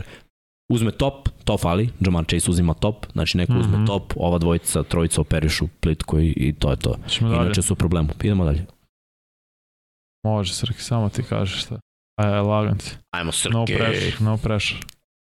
Klik, klik. Uh, ali ovo bilo neprijatno. Jeste. Baš je bilo ali, neprijatno. Ali očekivano, s obzirom da San Francisco, pa znaš kako, povrede, povrede, znam, mnogo povreda i onda se neko vratio nakon povrede i opet, znaš šta, bile su tu neke sitne greške koje, evo ovako, San Francisco je prosek ekipa. Ja ne prihvatam da rekao... da Miko, da Miko kaže da nije, čak ni ti. Znaš zašto? E, šta je kod njih izvarendno? Više trčanje nije toliko dobro, je tako? Jesu top 5 u trčanju u ligi? Nisu. Nisu. Nije to više Zašto? to trčanje. A ko je glavni Povrede. Povrede. Ne, gledaj, mnogi timovi nisu. Dobri nisu, zbog povreda. Tako, tako. je, fali im tako da njima, igrač. njima fali mnogo dobrih igrača i prvi bek i sve što su vežbali. Šta je bilo drugo najbolje? Pritisak od defensivne linije. I od to je problem četiri zbog, igrača. Jeste. I to je problem, zbog povrede. Da. Mislim, neki su se vratili na ovoj utakmici, ali nije to to što su se tek vratili Tako od je. povrede bez treninga. To su veliki problemi za San Francisco, opet konstantnost quarterbacka, to je isto nešto važno o čemu moramo da pričamo. Uh, Garoppolo igrao, bacio interception, onda se povredio, onda je ušao uh, Purdi koji je imao isto jedan interception. Znaš, i, i sada kad pogledam dve izgubljene lopte protiv druge prosek ekipe, druga tekma.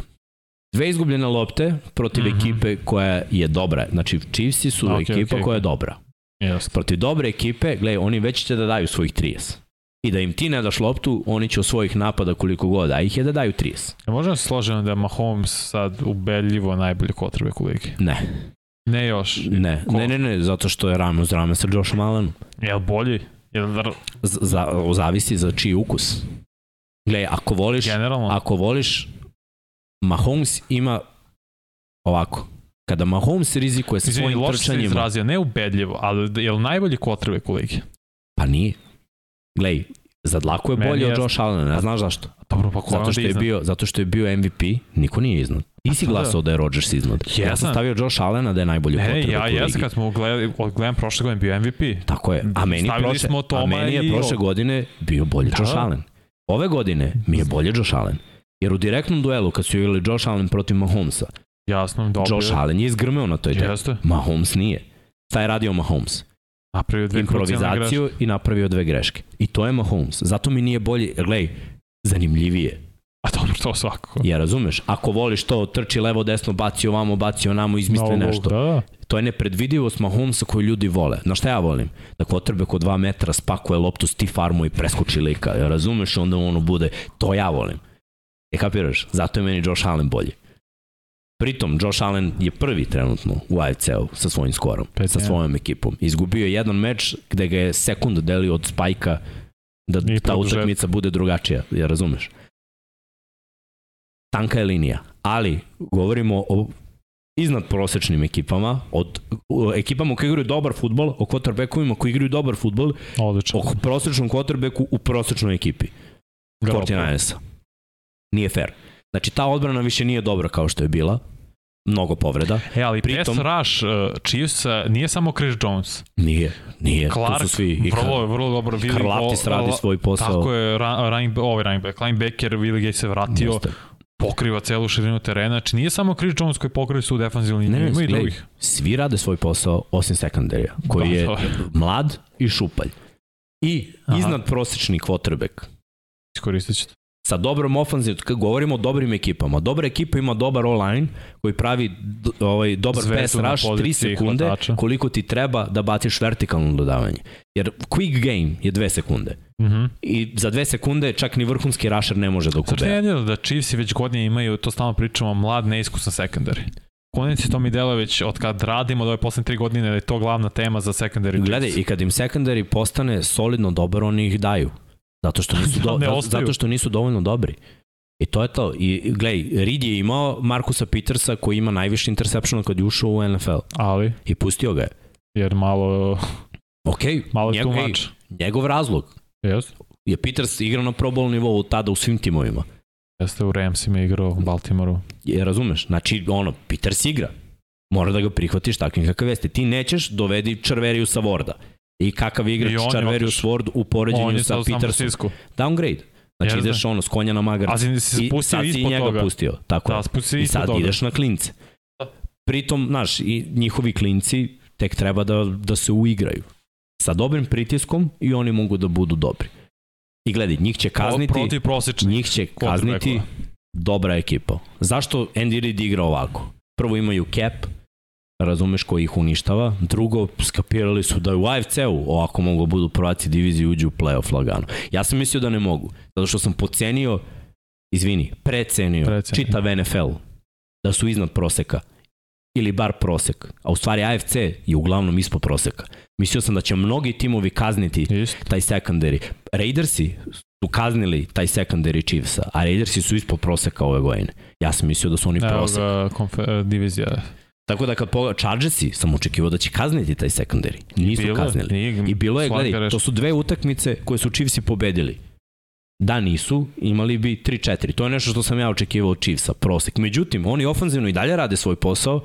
Mislio sam da će biti malo slabije ofanzivno, ali da će ipak naći da, da postignu 27-8 poena, ali da će defanzivno primati više. Oni defanzivno primaju poene, ali prosečne ekipe ne mogu ni da im priđu. I na ovoj utakmici San Francisco, McCaffrey je proradio malo, trčanje je krenulo, no, nije bilo rekao, loše. Ne može od rekao sam ti na kašičić. Koliko može, sam rekao malo. nošenja? 10. Koliko ima nošenja? 8. Ja ima 8. Može mi imamo, mislim ima 8. Znači, ne može, ne, ne znam, nije McCaffrey rešenje dana. za sve probleme či ovih Gledaj, partnera. To je rekao i John Lynch. Kao... Da je tu dugo, Bilo bi Koliko bolje, je... ali ti ne možeš, ti ovde je imao 8 nošenja za 38 yardi. Dobro rekao, okay. Ali to je super, to je skoro 5 yardi po nošenju, ali ti ne možeš da ga ubaciš i, i sad pazi na liniji, gledaj, ti možeš da daš akciju, puđeš u hadlu pa mu neko kaže nešto. Staneš na liniju, oni se postave drugačije, ne možeš to, ide adjustment i on te gleda kao ovca. Ne zna Šta sad? Ne zna Ja razumeš? Da, da. Ne može da nauči to za 3 dana, niko ne može da nauči za 3 dana, osim ako nije bio kod tog trenera A ranije. Nije. Ja razumeš da zna čitav sistem iz druge ekipe. Kao što je Mariota, Atlanta, jasno, je Sartre Smith, kapena. I to su bili problemi. Opet dodavanja.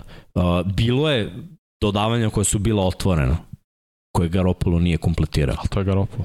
I, I mislim, to smo manje više i očekivali. Tako da ono, bila, bila je onako utakmica koju očekivali smo svi mnogo više, na kraju smo dobili od Chiefsa što smo očekivali, a, a San Francisco kao i čitav NFC, naročito taj zapad je podbacio debelo. Da vidimo taj zapad. I opet kad pogledamo taj zapad, San Francisco to, ej, San Francisco tu ništa nije štetilo. Mislim, oni imaju 3-4 I ove nedelje igraju protiv Ramsa koji imaju 3-3, koji su bili na baju. Seattle je prvi sa skorom 4-3, imaju 1-1 u diviziji. San Francisco ima 2-0 u diviziji, ako dobiju Rams imaju 3-0 i to je bukvalno, oni mogu da budu prvi. I ne bi me ne čudilo, ova divizija je otišla one 2011.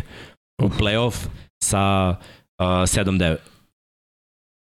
Seattle je tad bio šampion da. 7-9. I dobili Saintse na trčanje Maršona Lynča. Beast kad je bio, tako, tako je. Tad su ušli u play-off sa negativnim skorom. Ove godine, pošto imamo utakmicu više, ne bi me čudilo da bude ono 8-9 ili 9-8, ali ja ne vidim na zapadu. Još su izjednačeni. Pazi, Arizona ima 0-2, to je ono, njihov problem je unutar divizije, Ramsi su prosek ekipa, Seattle je prosek, mislim, izvini, nisu oni ni prosek, oni trenutno deluju kao prosek vidjet ćemo pravo lice, možda su i ono tik ispod prosek. San Francisco je prosek ekipa. I Arizona je is, tik ispod prosek. da se Tako da- izbaci da, prosek, tik ispod proseka, pa, tik e, ali, Pazi, ali to su nijanse. Gledaj, to su baš nijanse. San Francisco, daj sve da. startere da svi ozdrave. Oni su prosek. Izbaci 4-5 startera koliko sada, oni su ispod proseka. Neće tu da složiti, mislim, ako, su, ako je San Francisco zdrav, svi, Ja mislim da oni imaju jedan najtalentovanijih rostera generalno. Kad su zdravi. Kad da. nisu zdravi, kao što im fali i u odbrani nekoliko igrača i u napadu im fali pre svega e, Trent Williams kao navi, najbolji ofenzivni linija, što je problem? I Kittle nije igrao ove godine, propušta meče, to je, to je problem za njih. Ali ako je odbrana se vrati da bude zdrava, pre svega defensivna linija, San Francisco je tu onda bolji od bilo koje ekipe. To je to, to je njihovo, to je njihovo rešenje. I da i ludo i ludost i lucidnost uh, kada Shanahan u napadu. To, tako su oni dospeli do Superbola brutalna defanzivna linija koja radi svoj posao, koja maltretira sve i lucidne šeme trčanja, tada Mike McDaniela i Kyle Shanahan. Baš to. Pa mora sada opet. Pa, mora, je to realno, ali vidjet ćemo da li je moguće izvesti to. Tako Srki, je. idemo dalje. Možda sledeća. Nije, idemo imaš pre... još jednu. Imaš ka Karolina Tampa, čini mi se. Samo ako, ako Peter to ako je ubacio. Aj probi da nađeš. Ne, pa Karolina Tampa bila prošle nedelje. Ne, ne Tampa Baltimore. Da, da. Jel ima? A to, to, to je bilo prošle. To je bilo Zašto smo ovo stavili? Zbog naslova, zbog thumbnaila. Ma lagano propusti. Ne, sinoć bilo Baltimore, ima i to. Lagan, lagan se. Zašto smo ovo stavili? Jer Tampa je bila favorit 10 pojena razlike i izgubila je 18. Što je znači vi... Ne znam šta da mislim. Ovo je ozbiljan problem. Računajući sinući meč Tom Brady prvi put karijeri je izgubio 3 za red. Prvi put tim je dva meča ispod 50% uspešnosti. Odbrana izgledala, kao što Jimmy kaže, raspuštena banda protiv Karoline koja je trčala i trčala i trčala i imala je, ne znam, skoro 150 yardi trčanja. Da. Ne, u stvarno nisam očekivao ovo. Gledaj, znam da, da ono svima pada na pamet. Prvo, ja razumem kada ljudi vole da upiru prstom u timskom sportu i da krive pojedince. pojedince. Ali timski sport. I ono, ne gubiš i ne pobeđuješ zbog jednog lika, nego on samo može da napravi malu razliku da li pobeđuješ ili gubiš. Znači ono, najbolji bo, najbolji redko kad je, redko kad je, znaš kad je jedan lik kriv, kad baci 3-4 interseptiona. Andy Dalton. Tad je on kriv, mislim, ja razumeš koliko god da je odbrana dobra ti Burazeru, ako se odlučio da deli šakom i kapom, ti si kriv. Tako. Ali ako se odigra, da kažemo ono, dobar meč. I tu u stvari dolazi, vidim ljudi ovde pišu kojim je bolje Mahomes ili ovaj koji ima bolju ekipu koji, ne, koji nema. To, to je vaše. Ako će da kaže, ja, da. ako je tebi Mahomes bolji od Alena, ne, ne mora da znači da je meni, koji god ti Aha. argument da imaš. Mislim, ono, to, to isto ko nekada kad smo gledali ti bolji ovaj ili onaj. To je na tebi da odlučiš. Razumeš, mi možemo se frljamo ovde statistikama i da pričamo, ali Sve to je subjektivno. Svako ima svoj način tako koji je. posmatra sve, tako je. Tako je. I, I ono što voliš da vidiš više, razumeš? Ako govorimo o dva vrhunska igrača, to je super. Drago mi je da imamo dva vrhunska igrača od ko, o kojima ćemo pričati. To, je jako dobro, da ne bude samo jedan. Ovde odbrana Tampe odustaje konstantno iz utakmice u utakmicu od akcija. Mogu znači, kažem, ja oni gled... žive na slavi tog Superbola ta odbrana. Ne svi, ali neki Većina da. Većina da, ta Mladi odbrana. igrači da. Devin White, koji je brutalan, linebacker, on ne igra. Kulira. Kulira player. Sinoć je tri puta, znači tri puta ono krene sprint i vidi da ne može da stigne i stane. To je to. Neverovatno, znači Dva puta je mogao strašno. da se baci bar, da sa plete Lamara, on ga gledao kako ovaj odlazi još 5 yardi posle. To nije radio kad su uzimali Super Bowl u toj sezoni. Nije radio nego godinu dana pre. Nije jedini cela ekipa znači, ima tendencije da ono iskulira u pola pleja. Ideš raš, potrebe kode na konta stranu od tebe, ti staneš. Za njih je PJ Walker rašrafio. Jeste. PJ Walker koji je tre, treći quarterback, možda će sad biti starter do kraja godine kako je krenulo, ako odigraš jedan dobro da. meč, jer je tamo grozna situacija, da. Gledaj, ih je rašrafio. Izgubili su, mislim sad sa ovom povredom koja je baš zastrašujuća Shakila Bereta, mm. izgubili su mnogo, ali pre ove sezone izgubili su uh, prvo Akim Hicks ne igra. Da on igra, trčanje kroz sredinu ne bi prolazilo tako lako. Su nije tu koji je bio prošle godine, tako da sad igra Vita Vea kao jedini ono pra, pravi D-tack. Yeah. Uh, Beret je bio na jednoj strani na drugu JPP. Sada umesto toga ima i ovog Šoinku koji je ono, okay. mladi igrač i nije to to, nije, nije, nije ono, Nije Bast igra ok, da, ali ne, ne može da stane nivo. na edge i da zatvori edge. Tako da oni, iako imaju dobar front seven na papiru, to ne ide toliko to dobro u igri. Uh, rekli smo White, malo kulira, Lavonte David je već ono veteran. Koliko ima 32-3 godine? I gledaj, on igra dobro, on meni igra mnogo bolje od, od White ove godine. Secondary im je povređen i igraju ispod proseka, ajde, ajde tako da kažem. I onda kad pogledaš takva odbrana sa napadom koji se muči, ne može da, da, da pobeđuje utakmice. Znači ti da bi sa prosečnim napadom ili napadom tik ispod proseka, što je trenutno napad Tampe, mora odbrana da ti daje dobru poziciju i da ti daje malo više šansi da se ti uigraš da i uđeš u ritam. Ono što radi odbrana Dallas. Da li sad ovo, stinuću utakmica, šta je? Prvo, ajde u ovoj utakmici. Brady baci savršen post, All Pro, hvatač koji ima 1000 yardi u 7 sezona u NFL-u, ispusti post sam kod duha. Sam. Da se ušeta u end zonu. Sam. Mogu je da, da, da, da odradi ono šta god je hteo. Ja verujem da bi to postavilo drugačiji mindset. Je, Kreneš 7-0. Bi. Milion posto. Jer ti imaš crva sumnje u celom timu da si nesposoban i da napad ne radi. I zamisli šta bi napad uradio da odmah na startu utakmice pljusne big play za touchdown. Odjednom napad veruje, ok, imamo big play, jer njima je u glavi da nemaju big play, njihov ofanzivni koordinator zove big play akcije sve vreme. Jer je, ono, piše quarterback, jer ima yes. jako loš uh, plan za svaku utakmicu. Meni se ošte ne sviđa kako on zove akcije. Niko ni meni. Razumeš? I tu nije prošlo, šta se dešava dalje? Dešava se da odustaju od trčanja. Nije prva utakmica, ovo je peta utakmica bila da, da odustaju od trčanja i da se sve više fokusiraju na ta dodavanja. Daj nam statistiku, molim te. Opet je Brady Opet, šikao ne, loptu preko 40 yes. puta. Koliko je? Ne vidim. Preko 40. 49, yeah. znači skoro 50. I gledaj, ti kada daš, a, pa, a linija, oh. nije, a linija nije dobra. Nije da se razumemo. Znači, interior lineman, gardovi i centar. Backupovi. Puštaju kroz A-gap, a teklovi sustižu, ali jedva ovo što ide preko. Ako dolazi blic, znači ako svi pokupe šta treba da pokupe i ti pustiš još jednog čoveka da prođe kroz da, da. sredinu, taj lik je prošao. I to je to. Gde je znači, running back da čipuje to? 40, 45 godina kvotrbe koji nema sposobnost da izađe iz džepa i da trči da uradi nešto kada izađe iz džepa, mora da se fokusira na short play, iako uh, se sve vreme zove big play. Neverovatno. Tako znači, da on nema vremena to, to da radi. To je Bradyjev uspeh, short playevi, da, ga ne, da izbaci Ej. za manje od dve sekunde loptu. Ali on opet, bez obzira na sve to, ima na svakoj utakmici ono oko 300 yardi i ne prodaje loptu. Ja razumeš, i okej, okay, bilo je priče, ovde nisu dali touchdown i on nije. Koliko su puta išli na četvrti down? Koliko su puta odustali? Znaš, oni su sad već krenuli da paniče. Leftwich paniči, cela ekipa paniči, jer odbrana ne može da zaustavi, napad paniči jer ne može da da poene i ušte su ne u panic mode, nego su oni zapaljeni gore i vrište po terenu. Naravno, tako mi to deluje. Polili su se benzinom, zapalili. E, to ti je sledeći tam, ne, ja sam ti kažem. I razumeš? Bukvalno je ta priča. Da, da. I naravno, Brady je kriv. Uh, Kotrbe koji nije bacio interception i koji ima 300 yardi jer je bacio 50 puta na utakmici, ono mi kriv što nismo dali pojene. Burazeru, kriva, kriva je ofenzivna linija. Bacio 300 yardi sad. 290. Ali ne, problem je što je to u po, uh, to je ispod 6 yardi po dodavanju. To je loše. Ali ne ide big play. Ne, pa ne upravo, upravo to. Nema, nema upravo protekciju. To. Nema protekciju i to je Gledaj. problem uh, Leftića što ne može, neverovatno mi da su videli koje je formula za pobeđivanje. Leonard Fournette mora da trči makar 20 puta. Kako, ne znam, ne zanima me. Stvarno me ne zanima me. Jer da, u nekim mečevima sinoć, pred imao neka brutalna dodavanja, ali je mašio isto otvorena. Imao je nekoliko stvarno omašaja da se zapitaš, a ovo nije Tom Brady. Zašto? Pre svega svakog stižu godine.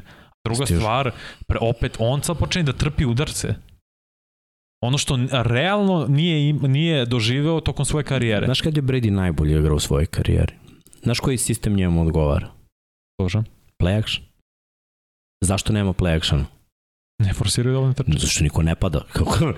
Niste to trži za četiri puti kao sad ćemo mi da se skupimo u boks ili vi trčite. Pa šta smo mi debili? Jedan od tri je bilo za četvrti dan. Razumem, ali na šta, nema ne, trčanja. Ne, pitao si, pa ni, da, da. nisam ni znao tačno. Da. Nema, nema trčanja. I forsiraš, da, znaš ono, da proradi nešto što, što ne Tri radi. Tri istrčana prva downa su bili. Ne trče dovoljno. Ne trče dovoljno uopšte. Protiv Dallasa ako su trčali, ako forsiraju mogu da trče. Druga ofanzivna linija nije za pas pro. Uba, ubaci još dva tight enda. Uh, glej, svi A, imaju fali. trade, svi imaju trade, tako. Što ne, što ne traduješ za nekog tight enda, jer znaš da Brady neće igrati još dugo, što ne dovedeš nekog drugog beka da igraš sa dvojicom ili full beka koji bi pomogao da napuniš malo boks, što ne napraviš playbook akcije, znači gledaj, da su od treće nedelje je problem, je tako, 2-0 pa izgubili jednu, izgubili drugu, ajde da kažemo od četvrte nedelje je problem, kad su imali 2-2. Mm -hmm. Što tad nisi uzao jednu akciju nedeljno? Dve akcije nedeljno. Mislim, ofanzivni si koordinator, zarađuješ milione. Imaš vremena da sedneš i da nacrtaš dve akcije trčanjem. Pogledaš malo šta druge ekipe rade imaš jako talentovane igrače na sve strane. Hoćeš da mi kažeš da Gadvin ne bi mogao da odredi nešto slično što radi Dibu Samuel? nije 100%. Gadvin igra dobro za ono što mu oni daju da igra. Zato je kažem, nije 100%, ne daju mu i dovoljno prilika, ali mislim da zato što on pre svega nije 100%. I, Mike mogu... Evans je počeo da sumnju u sebe. Pročit, pročitani su. Oni igraju yes. futbol, ono, svi znaju što oni rade. To nije dobro. Kada ofenzivni koordinator ne može da zamaskira bilo šta, to nije dobro i, znaš, ono, stavljaju sve na izvolte. Mogu da kažem, evo, imali smo diskusiju kad su pobedili, super, osvojili Super i sve to, zašto ba, uh, Baron Letović nije glavni trener? Evo zašto. Evo zašto. Evo zašto. Evo ovdje, ovih osam meča računići sinoć je razlog zašto Byron Leftwich nije glavni trener. Tako je. Ne boja kože, niti bilo šta, stvarno me ne zanima. Evo zašto. On, nesposobnost da promeniš akcije koje ne idu, da. ili da ne vidiš da tebi ide trčanje, i da si uspešan u tome, ali očigledno ti odustaješ od toga. Gledaj, mnoge stvari koje ne rade na treninzima verovatno prolaze, na treninzima nema toliko jako pritiska. kontakt. Da, da, nema pritiska. Znaš, I onda dođe utakmica i ekipe menjaju. Sad je često ekipa u prvom trenutku da men i onda promene u zonu kada se, se izveda lopta. I onda se sve promeni i onda uh, igrači, kad jednu rutu imaš kad je man coverage, Kapen. ta ista ruta postaje option uh, kad je zona. Jer kad te men prati, ti imaš cross, zadatak ti je da ga pretrčeš i pobegneš, on te prati, ostane iza, ti si sam. Kad je zona, mora da znaš gde ćeš da staneš ili gde ćeš da skreneš. I tu kvotrbe gleda i ti gledaš i treba da vidite isto i da odradite isto. Juče su imali tri opšana koje su pogrešili. Ja ne znam koje su opcije na tom opšanu. Nije opšan nešto što je u američkom, svaki trener može da napravi svoj opšan. Ja razumeš, to je ono, neka njegova sloboda. Ali na tri opšana da pogreše Evans i Brady – Evans koji je ono, po meni ono, pro ball, all pro i Brady koji je jedan od najboljih svih vremena, znači nešto tu nije dobro uvežbano. Zašto igraš te akcije? Kad imaju, ono, juče su dali protiv Baltimore, ono, pričat ćemo, prvi drive, trčali lepo, sve bilo kako treba i više nisu trčali do kraja utakmice. To je trener. Neću uopšte neko da kaže to su igrači, ovo ono. Ne, ne, to je nisu, trener. ne, to je apsolutno trener. Igrači su samo doći na tog meča sa Balcima što, kažem ti, Brady imao neka sjajna dodavanja, neka wow dodavanja, ali opet imao nekoliko davanja gde pitaš zašto. Ako moguće no. da ti kao Tom Brady to maš i to je ta nekonstantno koja ima čitave sezone. Kore dole. Tako je i ne može da bude bolje dokle god si o, 90% pas i 10% Samo da vidimo trčanje. za kraj. Imali su bre negativne jarde trčanjem na jednoj utakmici. Znam, minus 6 jarde na polovremenu jezio. Sramota. Mi, uh, NFC Jug. Pa da, samo NFC Jug, ovo je bio do, de, zapravo divizijski duel. Pa ćemo onda da pređemo na ostatak utakmice. I gle, čude Atlanta od sinoć prva. Koja ima 0-2 u diviziji. Neverovatno. Ja, što je najgore, svi su igre da, da osvoje ovu diviziju. Tome ti pričam. Tako da ono, i dalje sve može da se promeni. Ovo su sve ekipe ispod proseka. Sve ekipe ispod proseka. Znači da. čak i Atlanta koja ima 3-4 koja je ono kao da kažeš igrala ok, izgubila je prvi duel od Tampe i u posljednje tri kola će igrati opet. Tako da ako Atlanta izgubi dve od Tampe, bukvalno da, ono, da. i bud, piši propalo. Da, I, da. I Tampa može isto, kao što sam rekao, sa negativnim skorom da uđe u playoff kao prva ekipa. Šta mora da se promeni? Znaš, ta Atlanta, ta Atlanta bar ima neku filozofiju. Ni Saintsi nemaju filozofiju.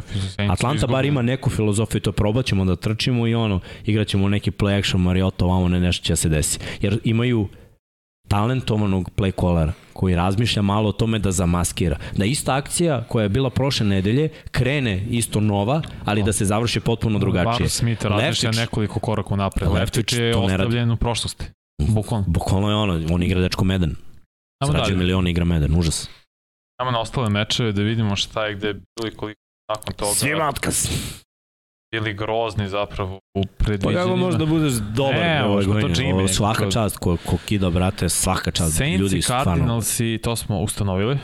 Da, to smo pričali prošle nedelje. To je kriv za sve. Falcons i Bengals i mnogo povreda za Falcons. U secondary pre svega nisu da. igrali ni Hayward ni AJ Terrell, zato su i Bengals i pre svega Baro izdominirao se opet baš, preko 480 yardi, 4 touchdowna. Chase izdominirao, ali to Chase, je koštao. Tako je, povreda Kuka neće biti mesec dana. Cowboys i Lions i Lionsi koji su bili na korak od pobjede, mislim od dvojca, ajde tako krenemo, mogli se povedu 3 na 6. I šta se desilo? Majka Parsons prvo ono ne, nerealno zaustavljen na skoro, bukvalno je pola yardi od gol linije i posle, mislim da je Demarcus Lawrence uspeo da iznudi fumble i koje je pokupio Anthony Barr i odbrana i zapravo i dovela Daka i napad do pobede. Daka izgleda urađao. Prvi meč posle meseci i po dana, što je za, očekiva, za očekivati, ali odbrana dala se stvarno spasila, jer nije 24 pojena realno što je napad dala se postigao. Imalo i pre i golf je bacio, čini se dve presečene, mislim bilo svega i svačega i odbrana dala se baš iskoračila još jednom, dok napad protiv najgore odbrane statistički bio grozan. I to nije okej, okay, to vidjet ćemo sad protiv Chicago koji da, mislim, prvo tradeove Queen i deluje da su oni uslovno predali, ali vidjet ćemo kako će to da ide dalje i šta su sledeći koraci, pre svega za Detroit koji mislim da ono, eksperiment Goff Ma nema, nema toga ništa. To Vidjet ćemo da li će Dan Campbell da preživi taj eksperiment, ali o tome Golf pred je kraj godine. Kolci, jest. Kolci i Tennessee, to smo ustanovali 19-10, Tennessee nastavlja da dominira AFC jugom. Ah, ova tuga i tragedija zvana Green Bay se nastavlja. Trebali smo malo o tome da pričamo. Možemo Inače, sad... Heineke dobija 125.000 za svaku pobedu, evo, nice. prvih 125.000 dolara, Bravo, zato što su dobili Bravo, Packerse. A, mislim, gledaj, da se ne lažemo, rekao sam kad je bilo, uh, kad su pre dva kola sam rekao da nije vreme za paniku za Packers, sada... O, i oni gore, a? Sada je baš vreme, da. I oni su da, zapravo kao tamo. A. Vreme, vreme, vreme je za paniku. Ali Rodgers sedi, znaš ovaj mim kao everything's fine, sve gori pored njega. Mm -hmm. Everything's fine. Ali i on je krenuo, ne, znam, znam, Nije ali i on je, tako, tako bi bio. On je popizdeo, brat. Jeste, ali napokon je on izgori. Da, ovo, ovo ništa, A, ništa ne može, znaš, ne, ne funkcioniš. Kada voliš da, kada voliš da pobeđaš, kada si pravi sportista, ne može da ti bude ovo okej. Okay. Pritom, Tako je. pritom ovaj, kad pogledaš Washington koji je celo ove godine tu blizu, nije, dobili su, či, oteli su pobedu Chicago i, i, i Packersima. Što je za njih dobro i to smo pričali. 3-4 je, Tako mislim je. dobro, problem je divizija, ali... Ali konferencija nije, ej. Nije. Tako da ono, ti kad pogledaš sve ostale, de, idu prvaci, uzmi mi drugog iz svake divizije. Znaš ko je trenutno drugi na zapadu? 3-3 Ramsi. Ramsi su jedini bolji od Commanders. Tako je. Za to Svi ostali imaju 3-4. Da, to 7 mesta. I Green Bay Packersi nemaju taj breaker više. Nemaju, izgubili su. Tako da ono. Problem, ozbiljni problemi i za Packersi, rekli smo da aktivno traže da traduju za nekog hvatača, nešto Ma, da urade, ali mislim da neće. Moraju oni mnogo toga da traduju, ali gledaj, ako žele ovu sezonu, to je to. Pritom opet se pojavljuje ono neki crv, ono, Aaron Rodgers je rekao to je to, neću više igram. A mislim, onda se pitate što je Davante Adams se zapalio. Uh, Buccaneers i Panthers i to smo pričali, Giants i dobili Jaguars 23-17, e, bila je dobra utakmica, yes. do samo kraja moglo na yard Jest. je ono nedostajao da, da, da se svetlo Danny promeni. Danny Dimes, ej, opet bez izgubljene lopte, da. 100 yardi trčanje. Ja sam, ja sam uvijek pričao da je to razlika. Izgubljena lopta. On čovjek kad je imao jednu ili dve na utak, znači ovo je Dable. Koji je sigurno Trener naš, godine. mu objasnio da ono, da li subtilno, da li totalno otvoreno, gubiš lopte, letiš i verovatno te niko neće potpisati. Čuvaš loptu, mi pobeđujemo, možemo da pričamo o sledećem ugovoru i, i to je to čak i da izaberu nekog drugog ili dovedu. Budeš priča quarterback. Tako je. Što je ono, dobra priča i da budeš backup opet. A, te u New Yorku Jako ej, lepa priča. Giants 6-1 prvi put od kada je to bilo? 2008. No. 2008. Giants 6 je neverovatno i Barkley izgleda sjajno igra na visokom nivou. Pa cela ekipa igra jako dobro, ali to ti je opet sistem. Znaš, imao si neke talentovane igrače koji su bili usijane glave, što usijane glave i ti kao trener, to je ono što mnogi nemaju. I opet Arians nije znao sa time, Bowles ne zna sa time, letiš zove loše akcije, zato Tampa propada. Moraš da znaš sa tim igračima. I Dable je došao, pazi, Dable je bio bre i u Chiefsima, bio i u Patriotsima, bio u Billsima. Oh, on ima iza sebe Ozbiljno. mnogo dobrih sistema. Znaš, on je došao tu i sad će meni neki druga godina da se pravi pametan. Da. Sedi, sinko. Ne da nećeš da uđeš na utakmicu, nećeš da uđeš na treningu, na play. Ako ti se ne sviđa, trejdovat ćemo. Jer mi ne treba, ko je ovo? Silus. Dođi, burazirče, upadaš.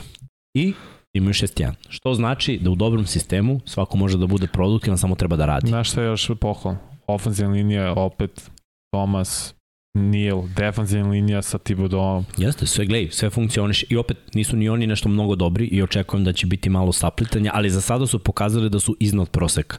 Mix oni da na narednih 9 dobio 4, to je 10 pobjeda. Znam. Idu, je gledaj, Giants idu play-off.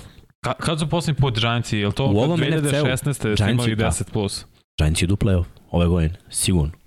Sigurno 10 Jer pobjeda. NFC je takav da će mnogima trebati pet tekmi da stignu do šest pobjeda. Oni su već sad na šest pobjeda i u sledećih pet će ići gore. Mislim, neće izgubiti pet za redom. I, I opet bili su krš prošle godine, pa im je raspored malo lakše. Yes. Jackson u padu, u slobodnom padu. Ah, Jacksonville je ekipa koja prva godina ovaj trener ovdje. Znaš, oni se još traže. Šta su našli? ATN-a koji radi, uh, tradovali Robinsona, razmišljaju o sledećoj godini. Odlično. Malo razmišljaju ono, Kir, znaš, oni se sad još traže kog će da ostane, ko mm -hmm. neće za sledeću godinu. Odlično su branili trčanje do ovog meča. Bukvalno bili treći u ligi protiv trčanja i sad ovo preko 200 yardi. Gledaj, bit će to, Kako mislim, igraju protiv tenisija tek lako, padaće statistika, ali oni se još traže. Mislim, to je nije ti to za godinu dana izleči sve, nego da, uspostavi sistem i vidi šta od toga. Dobar trener koji ima iskustvo u NFL-u, već sad nakon 6-7 kola zna ko će da mu ostane za sledeću godinu, ako neće šta mu treba za sledeću godinu. To je Znaš, I Jackson uopšte ne gleda da ova godina bude ok, nego da stignu do nekih 7-8 po isto kao Cleveland i oni su mogli da nemaju ovaj skor nego da imaju bar dve pobede više. I gledaj, sad ako dobiju u, u Londonu, a to je njihov grad, protiv Denvera koji se raspada. Ako dobiju to, imaju 3-5 i to je isto u konferenciji. Iskreno, okay. meni je to okej. Okay. Za Denver mi je katastrofa, za njih mi je okej. Okay. Da, Denver ima svoje muke. Ajmo dalje. Ovo smo ustanovili. Evo, kad smo već kod Denvera, izgubili su 16-9 od, De od Jetsa. I čudo me je opet ofanz, defan, pardon, defanzivna, defanzivna linija i odbrana Jetsa je uradila svoj posao. Bilo je par dobrih trčanja. bio no. quarterback za Denver. Russell Wilson je Igro je okej. Okay. Mogu da kažem, igro je okej. Okay. Opet, Denver, Denver je baš, baš u lošem ofanzivnom ritmu. I opet to pripisujem treneru. Ne samo igračima. Imaju problema, ofanzivna linija im se raspada. Ne mogu da... On ne može da, da, da stavi pravi sistem za ovaj Denver. Jer ajde ovako, u Green Bayu, čak i da i on imao neke veze s onim napadom, ne, ali ajde da kažemo čak i da je imao neke veze. Ti staviš Devonta Adamsa s polja. Par ta strana znaš šta igra u coverage-u. I je na jedan. Niko ne igra men s Devontom Adamsom. Sad više, znaš, ti staviš Cortlana Satona s polja na jednu stranu. E. Možemo da igramo men. Većina ekipa će da kaže, ok, imam dobro kornera. Igraću men ovde. Znaš, ono, mogu stavim safety u sredinu nije Cortland Sutton Devonta Adams. Plus, nema konekciju sa kojim god quarterbackom kao što je Rodgers imao sa Adamsom. I onda cijela tvoja ofanzivna zamisla malo pada u vodu i dosta toga fali u napadu Denvera. I onda kada dođu kao is, ispod prosečna ekipa, pošto je Denver baš ispod proseka ekipa, dođu protiv ekipe koja ove godine igra kao prosek, mislim, Jetsi igraju iznad svih očekivanja. Ali oni igraju, znaš, i, i dobro i loše, pazi, Protiv Ravens u prvom kolu, prvo poluvreme su odigrali iznad proseka i onda su samo pali u drugu. Prestali da trče, odbrana je pukla, Tako je. izgubili su utakmicu. Protiv ovakvih ekipa, oni neće izgubiti utakmicu. Superiorni talent je ovde na delu. Dobili su Packers. Kako su dobili Packers? Više pozicije. Tako da ono, sad rešavaju neke utakmice, imaju vrhunski skor. Već smo videli, već smo videli istok AFC-a, znači Jets idu dalje. Mislim, sad protiv Patriotsa, to je pravo pitanje. Ako ovde zabeleže pobedu protiv Patriotsa, oni su, oni su ozbiljno, ozbiljno iznenadili. Mislim, ja gledaj, ja verujem i očekujem da će u jednom trenutku, s obzirom da, da su ih povrede krenule da ih ubijaju, to krenuti da pada, jer sad nemaju levog tekla koliko su zamislili pre sezone, Back, nemaju garda koliko su zamislili pre sezone, Jasno. nemaju rotaciju u backfieldu koju su zamislili pre sezone i verovatno, mislim, nije da sad bacamo ono, mađije neke, ali svima će se još neko povrediti ne, do kraja. naravno, ono što Jets imaju, drugi timo nemaju dobar kapital. Ej, njima ova godina čak nije ni u toliko interesu, ali mogu da budu fila od, od prošle prošle. godine. To, okay. to bi bilo najbolje za Kad smo kod nekih koji nemaju kapital, ala Raidersi, otresli su Houston što je bilo za očekivati. Josh Jacobs, MVP Raidersa, napokon se MVP, nastavlja. Da. McDaniels, Ej, rad... Ali to je, to je, bravo. To je priča. Evo kako trener, je. kada nema ofanzivno, kako je krenuo da zove McDaniels? Kada uoči u čemu je problem. Ali kako je krenuo da zove akcije Na samom, I protiv Chiefsa je tako zvao. Mm -hmm. Pas. Isključivo. I oni su gubili tekmu. I šta je dobar adjustment? Znači ti sigurno imaš u svom playbooku akcije trčanja. I mora da ih vežbaš. U jednom je. trenutku, ako pas ne ide, ti ne možeš da budeš tvrdoglav, da forsiraš dok ne proradi, već da probaš nešto drugo. Probaš trčanje, trčanje krene. Nemoj da odustaješ od trčanja. Ako tvoj running back ima 150 yardi svaku tekmu, a ima posljednje 3, 150 yardi, znači on ima 450 za tri utakmice. Ja ne znam zašto ti ne bi trčao dokle god nekoga ne zaustavi. Onda kad skupe boks i kad ga zaustave, jer sad svi znaju da trče, iskoristi tog kvotrbeka i te hvatačke opcije koje imaš. I to je vrlo Waller, prosto. Adams. I moram da pohvalim uh, Joša, jer ovo je pravi primer kako treba voditi ekipu. Od očaja do sjaja. Oni su sad u lepom zaletu. Plus, ako pogledamo kakav raspored njima ide u, i kakva je situacija sada. trenutno, to su sve ekipe, čak i da su bile sezone na papiru jače, mogu sad da je to sve prosek. Sad, ozbiljno niz. Oni imaju 5-6 utakmica koje to, mogu to. da vežu, da, da, da pobede. Šta je razlika još ovde? Kaže da, Mills je izgledao dobro. On bio najbolji meč ove sezone. Lej, Houston konstantno igra solidne mečeve, ali oni su u potpunom rebuildu, ja od njih apsolutno ništa ne očekujem. Osim da budu tu, konkurentni i da izgube na kraju. Ali pojavljuju se igrači koji su mladi i vidiš, ok, ovaj će biti dobar sledeće godine, da, ovaj bi mogao tako i ono, malo po malo, malo po malo, oni će skupiti, imaju pikove, dobili su i, i za Dešona, tako da kad pogledaš za dve, tri godine, Houston može da napreduje, dok će, na primer, Col Houston i Jacksonville će napredovati, Colts dok će Colci krenuti na dole. A? I onda u diviziji se sve menja. Plus to je se kaže da George Jacobs igra za ugovor. Pa, gledaj. To, to je ozbiljna, ovde, ozbiljna motivacija. Ovde, ovde da stane, već će 10 timova da ga pozove, agenta. Samo da znaš. Već je sad dokazao, Aha. ako dobije šta treba da dobije, jer on nije dobijao, to je bio problem. Ako dobije loptu koliko treba puta da dobije, Jacobs je jako produktivan i daje touchdownove. Znači, goal line back, power back, koji može da ima 100 plus yardi po utakmici. Šta ćeš više, mislim? Ima mnogo gorih u ligi koji dobiju pare. E, kad smo kod muke, ovi moji Chargersi, povrede, povrede i povrede i to ne ide. Neverovatno kako su, Gledaj, nemaju balansa. Mi, mi smo Chargersima nik... procenili mnogo više pobjeda. Jesmo. Šest. Šest jedan je trebalo da bude. I ovaj, ništa se od toga nije desilo. Prvo su izgubili od Chiefsa i tad su potonuli. Znači ja opet, ono što sam ti pričao, kad si mlađi brat, imaš neki kompleks. Ali oni su dobijali Chiefs-e. Jesu. Delili su Chiefs-e. Jesu i ja verujem da će ove godine možda podeliti. Ako se svi budu vratili da budu zdravi, neće svi naravno. Neće. Jesse Jackson je otišao za sezonu, ali Slater imaju, za sezonu. Slater za sezonu, ali imaju igrače koji nisu otišli za sezonu. Prvo Dervin James koji igra jako dobro, koji ti je ono rešenje za Kelsija. Da, da. Znaš šta mi se ne sviđa isto? Balans u napadu. Kroz. Koji, mislim, se očekivao da će postojati kad su doveli Sonija Mišela, Ja sam očekivao... Ja sam mnogo više... Do... Ja sam očekivao da će napraviti Akcija, mali ne. adjustment, nešto, ali opet se sve zasniva na, na Herbertu, tek se vratio Keenan Allen, to ne, to ne može da, da bude dobro čak u prvoj nedelji. To moram uh, Lombardija da krivim. Tako je. Nije Ofenziv dobro. koordinator. Ofenzivna linija ne igra na vrhuncu. Ok, igrač. povređeni su, ali ajde da budemo realni. Nabori mi, daj mi jednu ekipu koja je zdrava u fullu, u AFC-u. Buffalo. Chiefs. Nisu ni oni, oni su izgubili par igrača. Napad. U napadu. U napadu, da. U napadu, koga su izgubili? Ofenzivnu liniju. Nije koga. Povredio se ovaj par utakmica su bili be, bez... Uh, ali se vraća, nije za, ne da im fali za celu sezonu. Pa nije ni Linsley za celu sezonu. Pa nije, ali propustio već 3 od 4. Pa i ovaj propustio dve, ali mislim, okej, okay. Keenan Allen je bio Out ono, jak, jak shot, to, to ti priznajem. Chiefs solidno zdravi u napadu, priznajem. Bekovi su bili problem, ali... Miami je bio problem tu zbog concussion. Tako je. Ostali su svi zdravi, malte ne. Ali vidi, šta je značilo bez Tennessee. Bez tuje nisu dobili ni jedno. Ne, jeste. Svaka ekipa je proživala... Sinci isto bio zdrav do sad, do Chase. Nisu mogli da sklope kockice. Nisu mogli da sklope kockice, da. Ali, okej, okay, oni su imali drugi problem. Da, da. Tako da ono, manje više sve ekipe imaju neke probleme, mora da ih nadomestiš, mora da pređeš preko toga. A te su fali all pro ako igrač. si, ako si playoff ekipa. Mislim, Chargers imaju I dalje okay jesu playoff ekipa, što najluđe sedmi su. Ali, ali Chargers su prosek ekipa. Jesu. I to Tako je to. deluje. Mora se promeni playbook. Mora da ide više trčanja kad ne funkcioniš ofenzivno. Još je i Herbert povređen i dalje. Seattle Ludilo, Gino Smith, da ti kažem. Igra ludilo. jako dobro. Oni su, futbol igra. Oni su odlučili Da, ali gledaj, oni imaju trčanje. Kenneth Walker, pa I ne, I ne plaše se da forsiraju trčanje i sada, ono, prvo Kenneth Walker je meni otkrovenje i gledaj, dati njemu loptu ima smisla.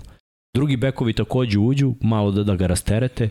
Gino Smith, znaš ono, kad sve već plašiš da će biti trčanja, to je dobro za Gina Smitha, koji dodaje, ima dva dobra hvatača, Mekev se povredio. Jedan nema, mislim da. da je on isto mesec. Sigurno mesec dana, tako je. Tako da ono, Lockett je odradio dobar posao. Pojavljuju se naši igrali, taj tendovi rade Eskak dobar posao za Seattle. da malo nadoknadi to što neće biti. I Goodwin je sad pokidao meč. Jeste. Iz Goodwin ima dva touchdowna. Jeste, ali gledaj, Goodwin je se ubio vrhunski atlet. Jeste. Goodwin je, ako sprinter. pričamo, nije samo sprinter. A ne, kao je prima stvar. Ne, skoku dalje.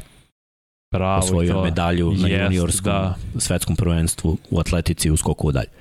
Zato slavio onako kada postigne taždan. Da, flipo. Nice. A bio je i sprinter između ostalog. Tako da ono, njegova brzina 4-3 posle godinu dana pauze, to ne smeš da tek tako uzmeš zdravo za gotovo. Lepo pojačanje. Yes. I opet, Seattle sa ovim skorom 4-3, prvi su u diviziji, bit će teško da održe to do kraja i sad su i njima krenule te povrede i to će ih malo usporiti. Da su zdravi, iskreno u ovoj diviziji trenutno mi igraju najbolji futbol, ali opet 49ersi povrede, Mnogo oni povrede, povrede Ramsi povrede i neuigranost I onda, naš, Cardinals je. Cardinals otpisujem, ja tu, to ne verujem ništa. Ali u ove tri ekipe mogu da kažem i da verujem. Verujem u Pita Carola, ne verujem u Kingsbury-a. Više verujem u Shanahana i McVeya nego u Kingsbury-a. Tako da biće zanimljivo. Ovo smo ustanovili Chiefs i 49ersi. Evo, vratio se tu i je, opet, da ne igraš futbol, nisi ti znaš najbolje, 24 dana. Ovako će izgledati to. No, nije bilo dobro. Ali gledaj, bilo, bilo je ostavljeno mnogo poena na terenu. Bilo je lepih akcija gde se videlo, ok, tu pravi razliku zapravo. Zašto Miami defensivna ne, ne vrši toliki pritisak na quarterback? Imaju igrače za sve to i, i vrlo su uspešni kada idu pritisak, ali ne idu dovoljno. Ne znam. To je mnogo čudno. Ne znam, verovatno, ono, e, imaš ponekad, kad odeš na pritisak, a ekipa odluči da trči, ti si tu ostavio dosta prostora. Rupu, Oni igraju prilike nešto konzervativno u nadi da ekipe koje nemaju evo ovako, protiv određenih kotrbekova, da se razumemo. Protiv Ravensa su išli na pritisak. Protiv Pittsburgha sa Piketom, u principu, ok, neka ruki bude u džepu i nek ima 4-5 sekundi. I jedan drive izgleda super. I nek nas dobije. I gledaj, verujemo u secondary da će oni da odrade ono coverage sec bukvalno ili da ga nateraju da, da baci nešto loše što je on i uradio. Opet su Steelers imali šanse. Nije bio dobar meč, trčanje Steelersa je veliki problem, to mora da, da, da se promeni.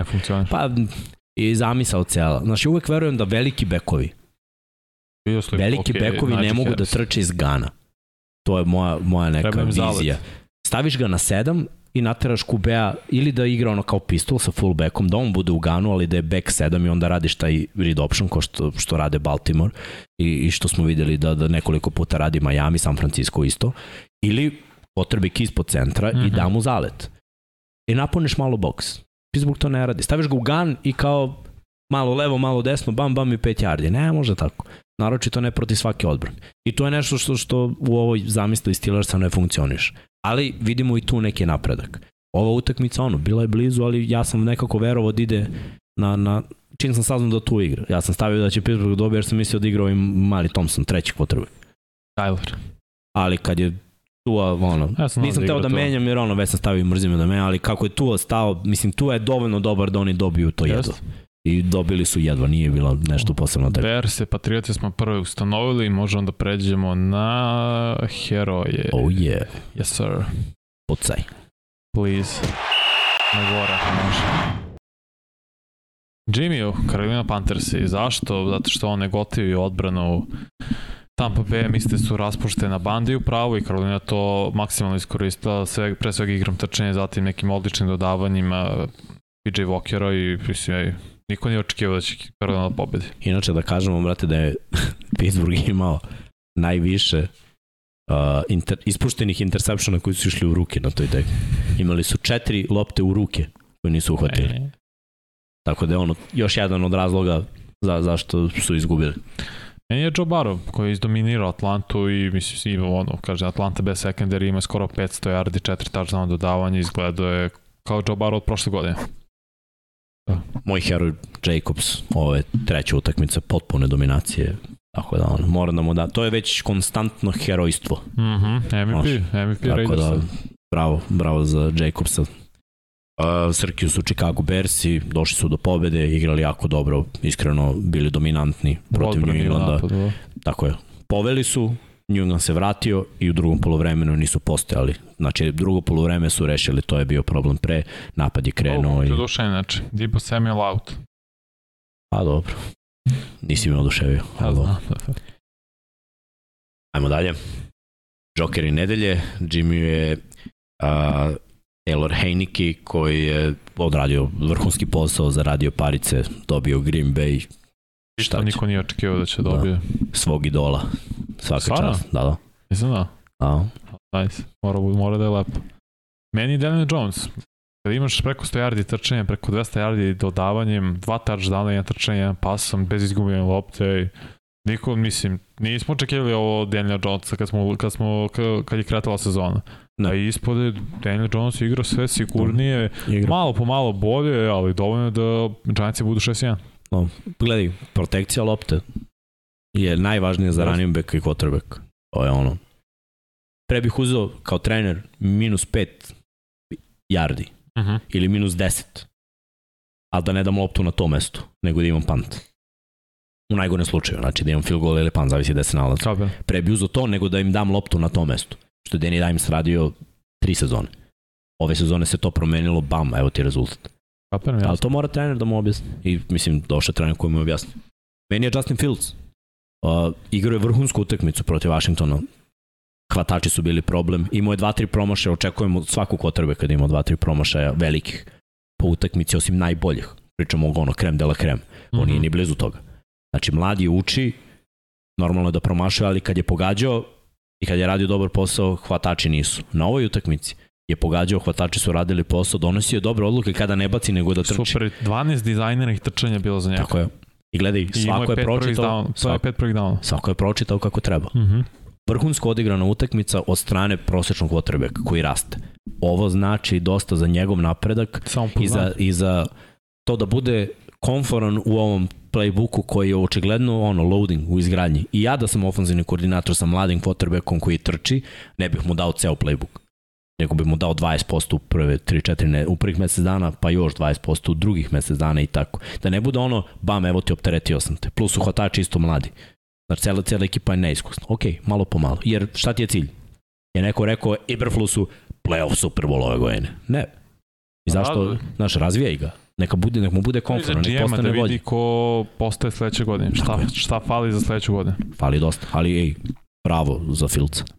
Trke PJ Walker, mislim, kad god uspeš da nadigraš jednog Tom Brady-a, ti si PJ Walker, backup quarterback uglavnom nanosi čoke nedelje. I sve pohvali i, ve, i verujem da, već, da mu je ovo pobjeda jedna od najboljih, ako ne najbolji u životu.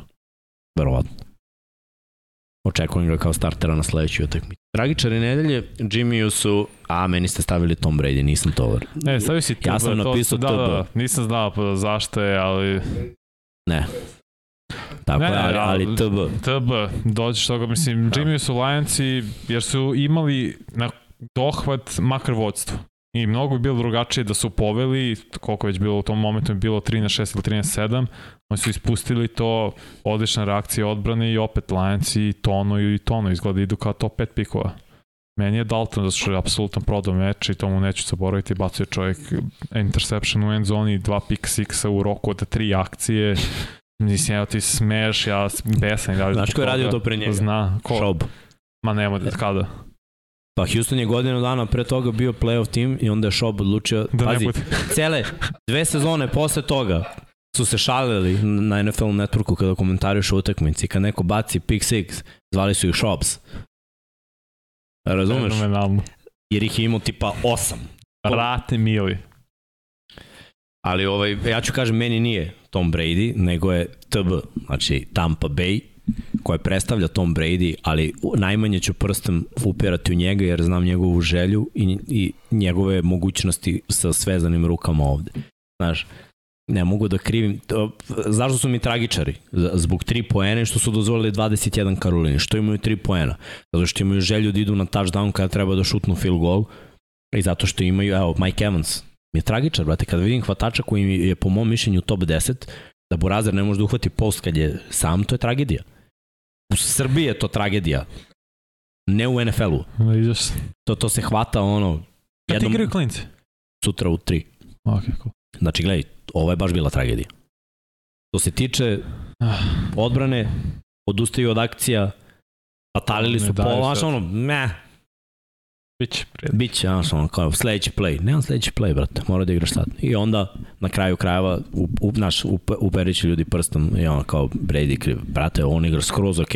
Za ovaj loš sistem, za to koliko je odbrana šuplja, za, za, za ono, kako batale trčanje oslone se samo za nje, na njega. Ne, izgleda prosečno. On, brate, oni izgledaju ispod proseka. Tako da ako on izgleda, izgleda prosečno, dok oni, Kapiram što dok su oni ispod proseka, Samo izgleda... mislim da dobro. nije maksimalno fokusiran futbol kao što je nekad bio, samo to. I mislim da je to glavni razlog što je stigla danas vest. Ne, dobro, da, razveo mislim se čovjek. da znači, da, mislim stvarno da znači da je uticalo, jer sigurno je se razvodi zato što je bio u penzi pa se vratio. Nakon četvrt dana. Ne verujem. Ne verujem. Ne to je, glej, ej, mislim da mu je dao ej, ultimatum i da je... To je kap koja je prelila čašu ljudi. To je kap koja je prelila čašu. Yes. Znaš šta je razlog? Razlog je koliko su u braku 13 godina što on... Prvi. Ali glej, nije to futbol prvi, nego futbol jedini. To je razlika. To je razlika. Njemu sad je futbol... više, ali sad više nije futbol jedini i zato je problem. Zato, samo je to, to mi je kritika. Samo je prekipelo. Samo je prekipelo. Deca su porasla i, i naš ono, život je, život je jedan, Znaš, ono, Žizel hoće još malo da, da proživi život, a ne da bude domaćica mama kući. Je kapiraš? To je ono, mislim, ali to je život. Kako kenguru kaže, život je na život je kao ptica neka. Samo odleti. Uh, Srkiju ne velikom, ali normalno, koji dalje je viši od uh, proseka i Green Bay Packers tragičari, jer stvarno jesu i tužno je vidjeti. Zaista izvini Srke, ali Tampa bar ne ima neka rešenja i postoji rešenje koje oni očigledno neće da implementiraju, ali za Green Bay nema rešenja. Da, baš izgleda čudno i neopisivo nakon dve MVP sezone Rodgersa. Da je i prosečno. Ja, ima dva touchdown dodavanja, ok, ali napad izgleda disfunkcionalno. I volio bi s tim dalje da, da vedrije teme, a to je sinoćni meč gde je Tampa Ne, daj naše prognoze. prognoze, da, izvini, izvini, izvini, mislim, tu je ništa, tu je tragedija, ali dobro. Potop. I tu je blagi pod, mada smo iznad 50% bili svi. Svi smo imali makar 8, Jimmy imao 11. Cepaj, cepaj, pa ćemo da... Bravo, Jimmy. Da što pre završimo ovaj... To je zato što je na odmoru. Da, na mednom mesecu. Pozdrav za Bali. Pogledaj ovaj pogled. Dobro, video je, video Arizonu protiv New Orleans. Je, je, video je da je Dalton baca dve, dva pick sixa, to je video sigurno. da, da. da je sigurno video. Pogledaj, samo ti ja to nismo pa, videli. Da. Mislim da je problem u nama. No dobro, Srke je video Atlantu, sad ne znam kako, ali da što. Protiv Sincija, svi smo birali Sinci, sem Srkija. Dallas protiv Detroita, ne znam zašto si vidio Detroit. Mada, za malo odbrana je kreo Dallasa rekla, ne, ne. Pa da, Indianapolis, Tennessee, eto, Srke opet Gol se nije se isplatilo. Opa, fešta, fenomenalno, pa da, ja sam igrao jedini na Cleveland, to doćemo. Svi na Green Bay, svi minus, svi na Tampu, svi minus. Mada smo svi pogodili Giantse protiv Jacksonville i ja sam omašio jer sam izabrao Cleveland protiv Baltimora, veliki kiks. Idemo dalje. Ovde se Seleni sve Jimmyu pogodio, znači svi smo izbrali Jetsa protiv Denvera, svi smo izabrali Raiderse protiv Houstona, Pablo i Jimmy su izabrali Seattle protiv Chargersa i bili su pravu na moju nesreću i tugu. A Pablo izabrao jedini San Francisco i pogrešio je protiv Chiefsa. Mislim imamo još jedan. Uh, mi ih loše. Pa rekao sam, mislim da ne igra da. tu. Da, pa dobro, nisi jedini biro što je neverovatno zapravo. Ovi su me pratili 100% da, da, Da, tako je, Srki, prijateljski ispošten. Je, bez tu je nula pobjeda, mislim. Yes, to je bolje. bio moj rezon. I Chicago je ošamario Patriote, sami tim ošamario sve nas, da. tako da je tu veliki minus. Mi Srđan je došao do 50%, 54, ako vidim 54 i dalje me sočeva služe do nekle. Jimmy je sada prvi, stekao je dve pobede prednosti. Sa 69 pobjeda, ja imam 67, Srki ima 62, Mix ima 60 i Don Pablo ima koliko? 58? Da. 58. Dobro, i samo ti beži četiri pobjede. Jes, jes.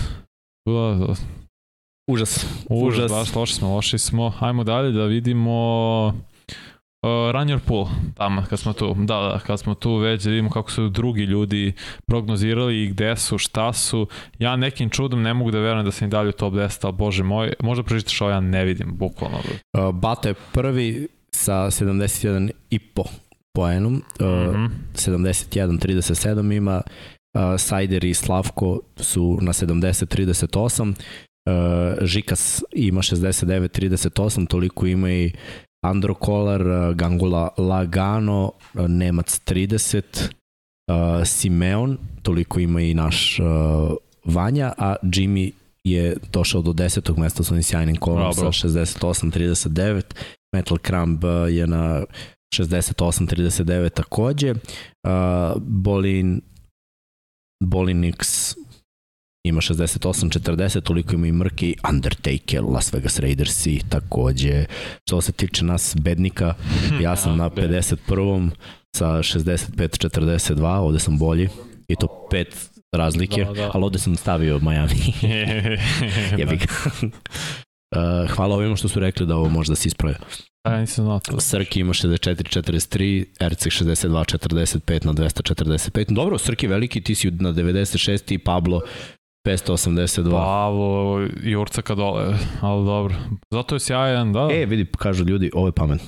Da. Mogla bi da bude nagrada majica za pobednika Može. Run Your Pool. Može. Top Eto, 3. ja usvajam. Top Meni 3. imate maju. Top 3? Može. Može. Eto. Dobro, odlučeno. Komitet je odlučio. Ostatak komiteta nije tu, tako ne može se buni. E, sad možemo na prvom meč od sinoć. Baltimore koji zabele, uh, zabeležio pobedu. Čemo ja su brzao malo. A može, malo, malo. I Lamar koji je izgledao kao heroj. I znaš koji je heroj? Isaiah Likely. Pa dobro, jedan od heroja. Moment, da. Jedan od heroja, znaš. Ja bih, ja bih rekao nije da je heroj. Nije igrao, nije igrao Andrews. Jedno se povredio da, Mislim, na, na samom startu utakmice, ali gledaj, da ajde, ajde da krenemo meč od početka. Uh, Tampa je povela. Tampa je u prvom drajvu trčala, znači ovi, ovi jarde što vidite trčanjem Tampe, Fournette što ima 9 za 24 touchdown, to je bukvalno sve bilo u prvom drajvu. Im, nije imao 9, imao je bolji prosek malo, imao je otprilike 4 u prvom drajvu po nošenju, ali je bio dobar balans. Screen, trčanje. Malo duže dodavanje. Screen trčanje, opa, pa jedno malo, za, tad je Gadvin uhvatio nekih 30-40, ide Brady, ušuško loptu, tako, tight window. Kažem, imao je prelepo da, dodavanje. Jeste, u tom prvom drive. I kako je se odradio taj prvi da drugi drive je bio dobar, napravili su oni greške da nisu dali touchdown, goal, nego okay, tako. Baltimore poeni. nije postoje. Ova tri poena Baltimore u prvom poluvremenu prva. To je bio mafovan pant od strane on, ajde, Darden je morao da viče čoveku i da ga skloni nekako, nije njega pogodila lopta, nego igrača koji se zakuca u njega. Ravensi su došli unutar 10 i nisu, dali, i nisu dali touchdown. Znači, nikakav ofanzivni ritam u prvom polovremenu. Katastrofa. 27 yardi trčanjem imao Baltimore, 7 pokušaja. Lamar je tada dodao 20 i nešto puta. Tu uopšte nisu Ravensi. Ali koja je razlika? Ali šta je razlika? Tampa, druga, četvrtina i treća u napadu bez pojena. Gledaj, u drugoj su odustali od trčanja, mm -hmm. krenuli su nekad, ok, bilo je, bilo je tu grešak ofanzivno, ali imali su prednost, znaš. I delovalo mi je, ok, nije loše, i dalje ako se vrate, znači ostaje drugo polovreme. Veliko ako. I, I dalje ako se vrate imaju šanse, jer oni mogu da trče, svi mogu da trče protiv Baltimora. Baltimore ne brani dobro trčanje. Plus su bili povređeni. Nije igrao Bynes, to je prvi middle linebacker. Igraju bez njega. Uzeli su igrače sa ono treće pozicije na depth chart. AJ Klein je stao da igra. Ja razumeš kao middle linebacker. To je onako... Ja da je Queen glavni ne, on je, linebacker. On je spolja, spoljašnji. Da, već dve sezone. Prošle i ove. Ne, ne snalazi se na majku. Da. Ne igra Calais Campbell. Rupa na tekli. I znaš, ok, imaju edge rusher, ali možeš da trđeš kroz sredinu ili ono, možeš da napraviš neke akcije i super je bilo što su radili skrinove. Znaš, i, i to je prolazio, ali ako tri puta staneš u bunch i trčiš screen, četvrti put, šta ljudi misle? Screen. Nemoj da bude screen. Daj iz banča neku drugu akciju, a ima ih, hvala Bogu. Međutim, to je sve toliko bilo ono, Očigledno. Isto očigledno. I to ono što je problem kod Tampa. I Baltimore je to krenuo da zatvara. u drugoj četvrtini. Dolazi treća četvrtina. Baltimore kreće trči. U prvom polovremenu 27 yardi. U trećoj četvrtoj četvrtini preko 200. Gazi, odustali. Gazi, ej, odbrana se nije pojavila. Odustali. Promašeni teklovi. Imali su, znači pazi, Gas je nosio loptu odmah na početku drugog polovremena. Prvi napad Baltimore. Tampa 3 and out, Baltimore kreće. Bio je punt, lopta unutar 10 yardi. Neko je imao Gasa na minus 6 yardi. Neko je prošao samo tako. Gas izbegne to obaranje. Izbegne drugo obaranje na liniji skrimidža i uzme 12 yardi. U tom trenutku, ti kad igraš napad i kad to tvoj bek uradi, ti si u gasu. Ja razumeš, ti si on, pff, ima Lepa kombinacija reći. Glej, to je to. Gas nastavlja da gazi, ubaciš Hila sledeći play, Lamar trči treći i onda uđe Kenyon Drake i on istrči jedan. I ti sad kao barač, ova je krupan i veliki, ide kroz čoveka, ova ide okolo brzo, ovaj treći baca finte i sad već ono ne znaš ni kako da obaraš. I mašeš obaranja svaki play. Znači oni su imali toliko promašenih teklova, Buccaneersi, defanzivno. I Ravensi dođu i daju touchdown. I to i dalje nije problem. Mislim, ono, izjednačen rezultat. Nije ništa strašno. Ti odustaneš skoro za utrčanje. I više do kraja utakmice. Glej, što panika? 10-10. Ne znam, samo je očigledno Treća četvrtina 10-10. Zašto mora da ide ono spread i, i two minute offense? Ne mora. Mislim, 10-10 je. I ima, viš, koliko hoćeš da si igra. Očigledno da Pajan Letvić... Jako loše postavljena utakmica. Jako loše postavljena utakmica. S druge strane, Baltimore je radio svoj posao, malo po malo, malo po malo. Ej, ova, ovako su igrali protiv Bengalsa ono, u finišu. 19-17 I, i, I, krenuli, I krenuli da trče i ovde je bilo dizajnera na trčanje za, za Lamara, read option, rekao si likely je skočio, dao je touchdown, ali imao 77 yardi i 6 uh -huh. hvatanja, lepo odradio posao. Devin Duvernay postaje ono, opcija broj 1. Devin Duvernay je returner koji donese loptu do 30-40 To je vrlo važno, imaš dobru startnu poziciju. Trči jet sweep, istočuje touchdown na jet sweep ponovo. Služi kao vertikalna opcija i kao kratka opcija. Hvata skrinove, blokira dobro, bukvalno radi sve što poželiš. Pritom se pojavljuju drugi momci. Demarcus Robinson, znači došao iz Chiefsa, izgrmeo u predsezoni i ne koristiš ga. To je Greg Roman. Ti si kriv. Daj mu bre target. Ja sad kad je dobio targete, uhvati loptu, dva igrača oko njega, on se izmigolji. Dečko je brz, dečko je pravi hvatač uhvati i reši. I bilo je ono par dobrih situacija, ali opet što je onda zameni. Harbo opet četvrti za dva, imaš najbolji kikera, ideš. Brate, može Lamar da maše rukama kako hoće. Tri poena tu je bilo jako važno u prvom polovremenu. Na kraju si dobio, ali jedva. Da si šutno taj field goal, ne bi brinuo toliko u posljednjem napadu Tampa, jer Tampa je bilo u ovoj utakmici sve vreme. Brady je bacio još jedan touchdown koji je bio poništen zbog holdinga. Pa je Fournette napravio full start jer nije bio dovoljno strp Fournette koji je ono jako dobar igrač. Viš ti to koliko je grešaka od strane dobrih igrača? To je trener, to je nedisciplina. Nije, to je do igrača, to je do igrača. Ej, ti praviš disciplina. holding off. Znači, ti, uh, Houston je išao ja, okolo, ti si ga izblokirao i Brady je već izašao iz džepa. Ko dopušta igračima, pre svega odbrani da se ponašaju onako? Trener. Ti nisi na njima, ti njih, da, treba da ih benčuješ. Ne, ne, da, ne kritikuješ dovoljno. Ali gled, Forneta si benčao, on igra pola ove utakmice. A već... I onda je ušao i napravio false start. Nag, nagnuo se, ono i krenuo da, da, da ponere pre. Mislim, Mislim da je glavni problem sad više, sve više i više postaje ta neospiljnost odbrane i neka nonšalantnost, da ne kažem, jedan naš čuveni izraz. Da, to. No. Mislim, jezio, pa da. Baš izgleda i strašno izgleda. Ej, daj nam statistiku još jednom, Srki. Opet, da ti... teo, teo bih da kažem uh mhm. -huh. da sam vidio neka prelepa dodavanja od Brady-a i vidio sam neke promašene opšene, ali ovako, uh, Evans imao dobar meč, Kadvin je imao solidan meč, moglo da bude mnogo bolje, ali uh, to što, što je zamislio Leftwich da ga stavi u te neke pozicije da kažemo te rute do 10 yardi, to nije dobro prošlo. Uh, šta je Baltimore napravio, koji je adjustment? Uh, sklonio je Hmm. Uh, Marlon Humphrey koji igra s polja i stavio ga u slot da čuva Gadvina, Peters da bude na Evansu s polja i poslali su ko, treće cornerbacka da čuva kogod je s polja. I mislim šta je bilo jedan pass interference na Scottiju Milleru i ono, to je bilo to. Znači, oni nemaju tu opciju za ovaj playbook, Leftwich to što hoće da radi, tebi treba jedna ozbiljna outside opcija koja će da, da skine top. Julio. Julio ono, dao je taj jedan touchdown, Brady ga je podbacio jer ga je ubio lik jer je prošao ono čovjek, nije mogao da dobaci ono kad je bilo dalje hvatanje ili nije, opet oni su dali touchdown u tom napadu, što, što znači, eto, vidio si u tom napadu, ok, oni mogu, I pre toga je bio dan kad je taj tend ovaj uh, uhvatio, zbog holdinga nije važio. I onda su se zadovoljili trojkom. Glej, ta dva touchdowna, druga tekma. Znači, to je nedisciplina. Nije napad toliko loš, odbrana je odigrala katastrofa. Gledaj, kada ti ekipa istrči 200 za tekmu, ti si loša odbrana. Kada ti ekipa istrči 200 za poluvreme, ti si raspad, raspad. Ono što ne zanimate. Tako da ono, ovo, ovo je baš, ba, baš bilo loše. Što se tiče odbrane Tampe, njih bi više kritikovao. Napad za jednu ekipu ispod proseka je dao dovoljno poena, po mojom mišljenju. Skočili su sa trojke na 20. Odbrana je skroz popustila, kad porediš ova dva meča, oba meča odbrana bila grozna. Da. Tako da ono, Baltimore dolazi do, do skora, videli smo već 5-3, što je jako dobro i imaju Saintse, onda idu baj i posle toga imaju ono jedan, prosto bili najgori prošle godine u, u svojoj mm -hmm. diviziji, imaju tipa dno, dno lige, igraju protiv baš loših ekipa koji trenutno imaju jako loš skor, tako da tu može da se već stigne do nekog brava pobeda koji bi mogao da znači playoff. Pogotovo u AFC-u koji je pa da. poprilično skroman. Ajmo, ajmo da vidimo ovaj najave. Odobrane. najave. A? Odobrane utakmice najave. Da, da, da, odobrane. Da, da, da. Ja rekao odbrane. Odobrane. Obrane. The chosen ones. Samo ti polako.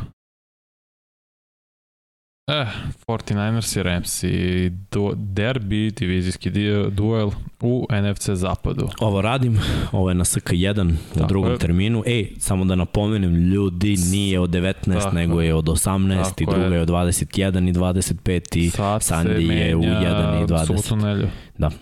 Tako da i London će biti u 14.30, tako da je sve ranije ovaj vikend, što je ono dobro za sve koji žele da spavaju.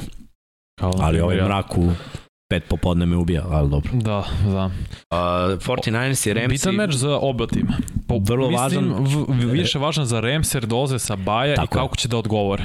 Pa gledaj, ne znam kako će da odgovore, jer su mi oni jedan isto ono, tim ispod prosega nepoznanica, rešili su se running backa koji nisu ga tradeovali, ali ja očekujem da će Akers da završi negde do kraja ovog roka. Do utorka, da. Tako je i dalje nisu rešili ono probleme u svojoj kući.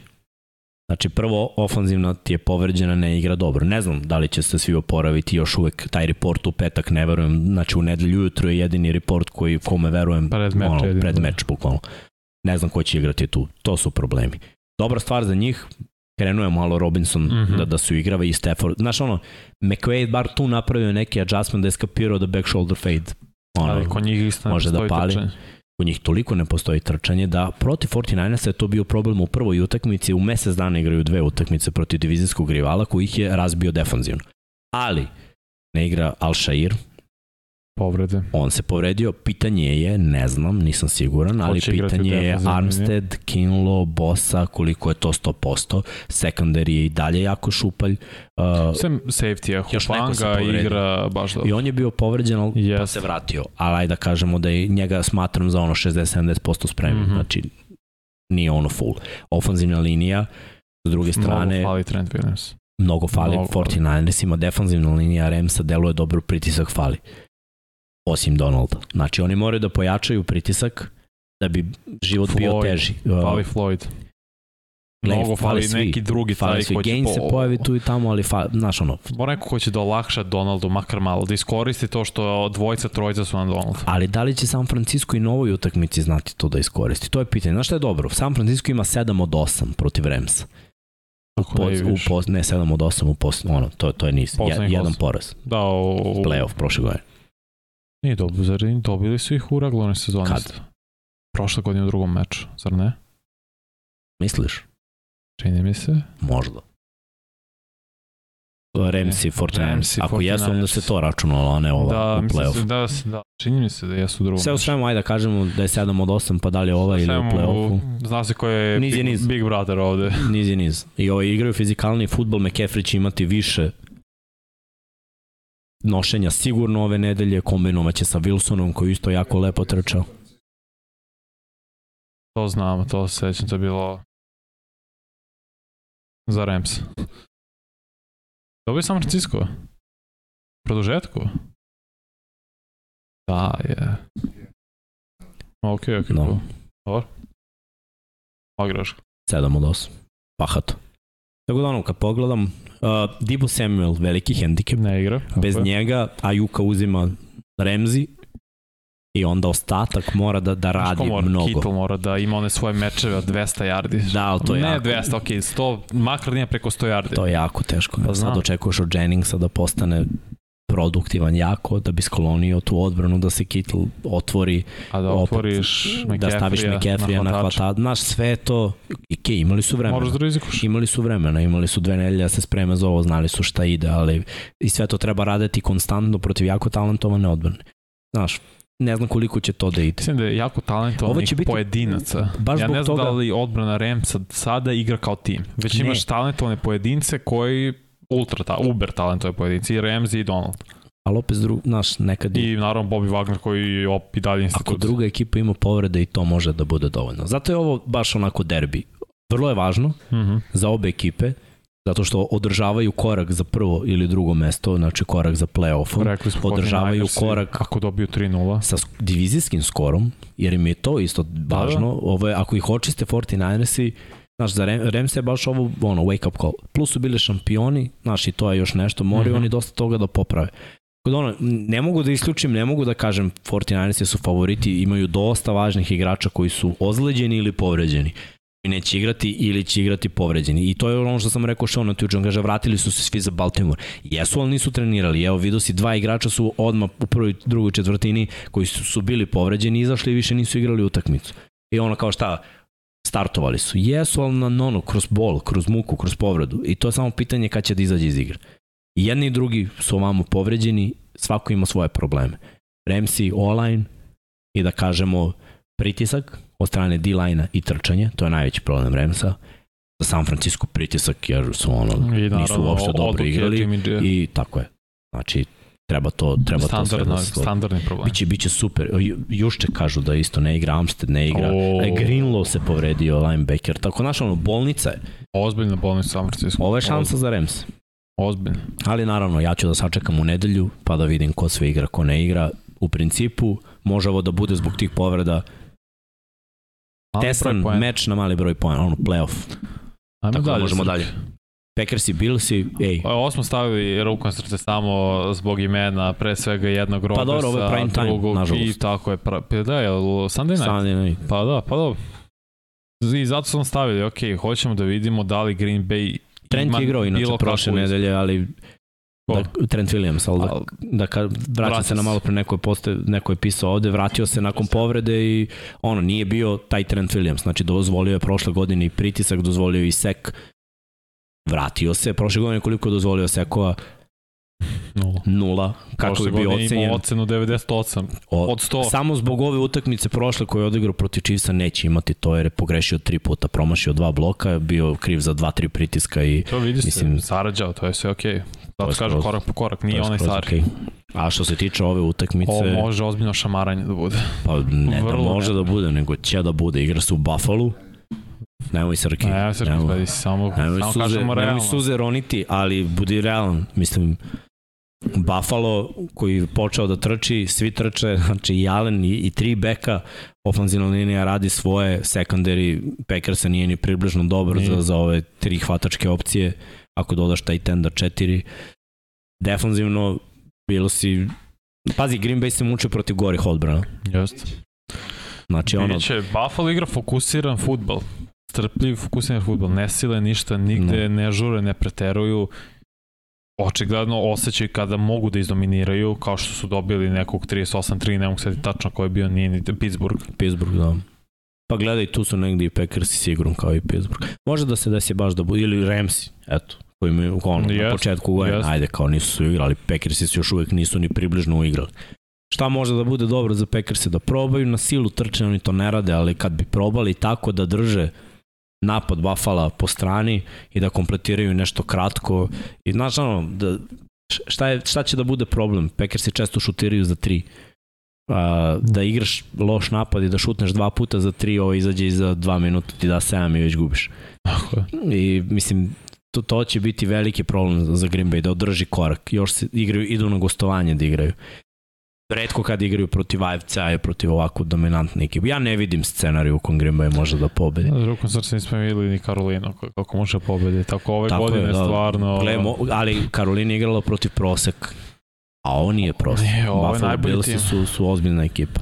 Tako da, meni nekako deluje da će ovo biti ono, jedno ružno veče za, za Rodgersa u prime time-u i da Green Bay odlazi na jedan ono jako loš negativan skor za njih. U, u ovim trenucima, ako budu 3-5, ja već postavljam... Minnesota 6-1. Ja postavljam pitanje za playoff. Da. Prvo mesto diviziju da. otpisujem bukvalno, a playoff da. stavljam da. onako veliki znak pitanja za to. Naravno, šansi će biti jer NFC raspad, ali šta ti, i da uđeš u play-off, šta ti znači ako te Billsi šimikaju ovde sa 30 razlike? Ne znam. Lazard ne igra za Packerse. Sam je izjavio pro, problem, baš će biti Ajde, do, gledaj, ispuštene lopte njegove su takođe oh, problem. Jeste, ali bar nije prisustvo, bar neko da kaže da DB-vi poštuju. A kog će sada poštoš? Šta, Dobsa, Niko Grendala Koba, ne znam. Biće četvorica je, u, ili petorica u sekundariju. Ovo je već promenio, brat. A, ne da, plače se, reki, bit će sve u redu, bit će sve u redu. Šen divizijski derbi Patriote protiv Jetsa koji može dosta da zapravo ima komplikacija i, i implikacija o, da. za playoff.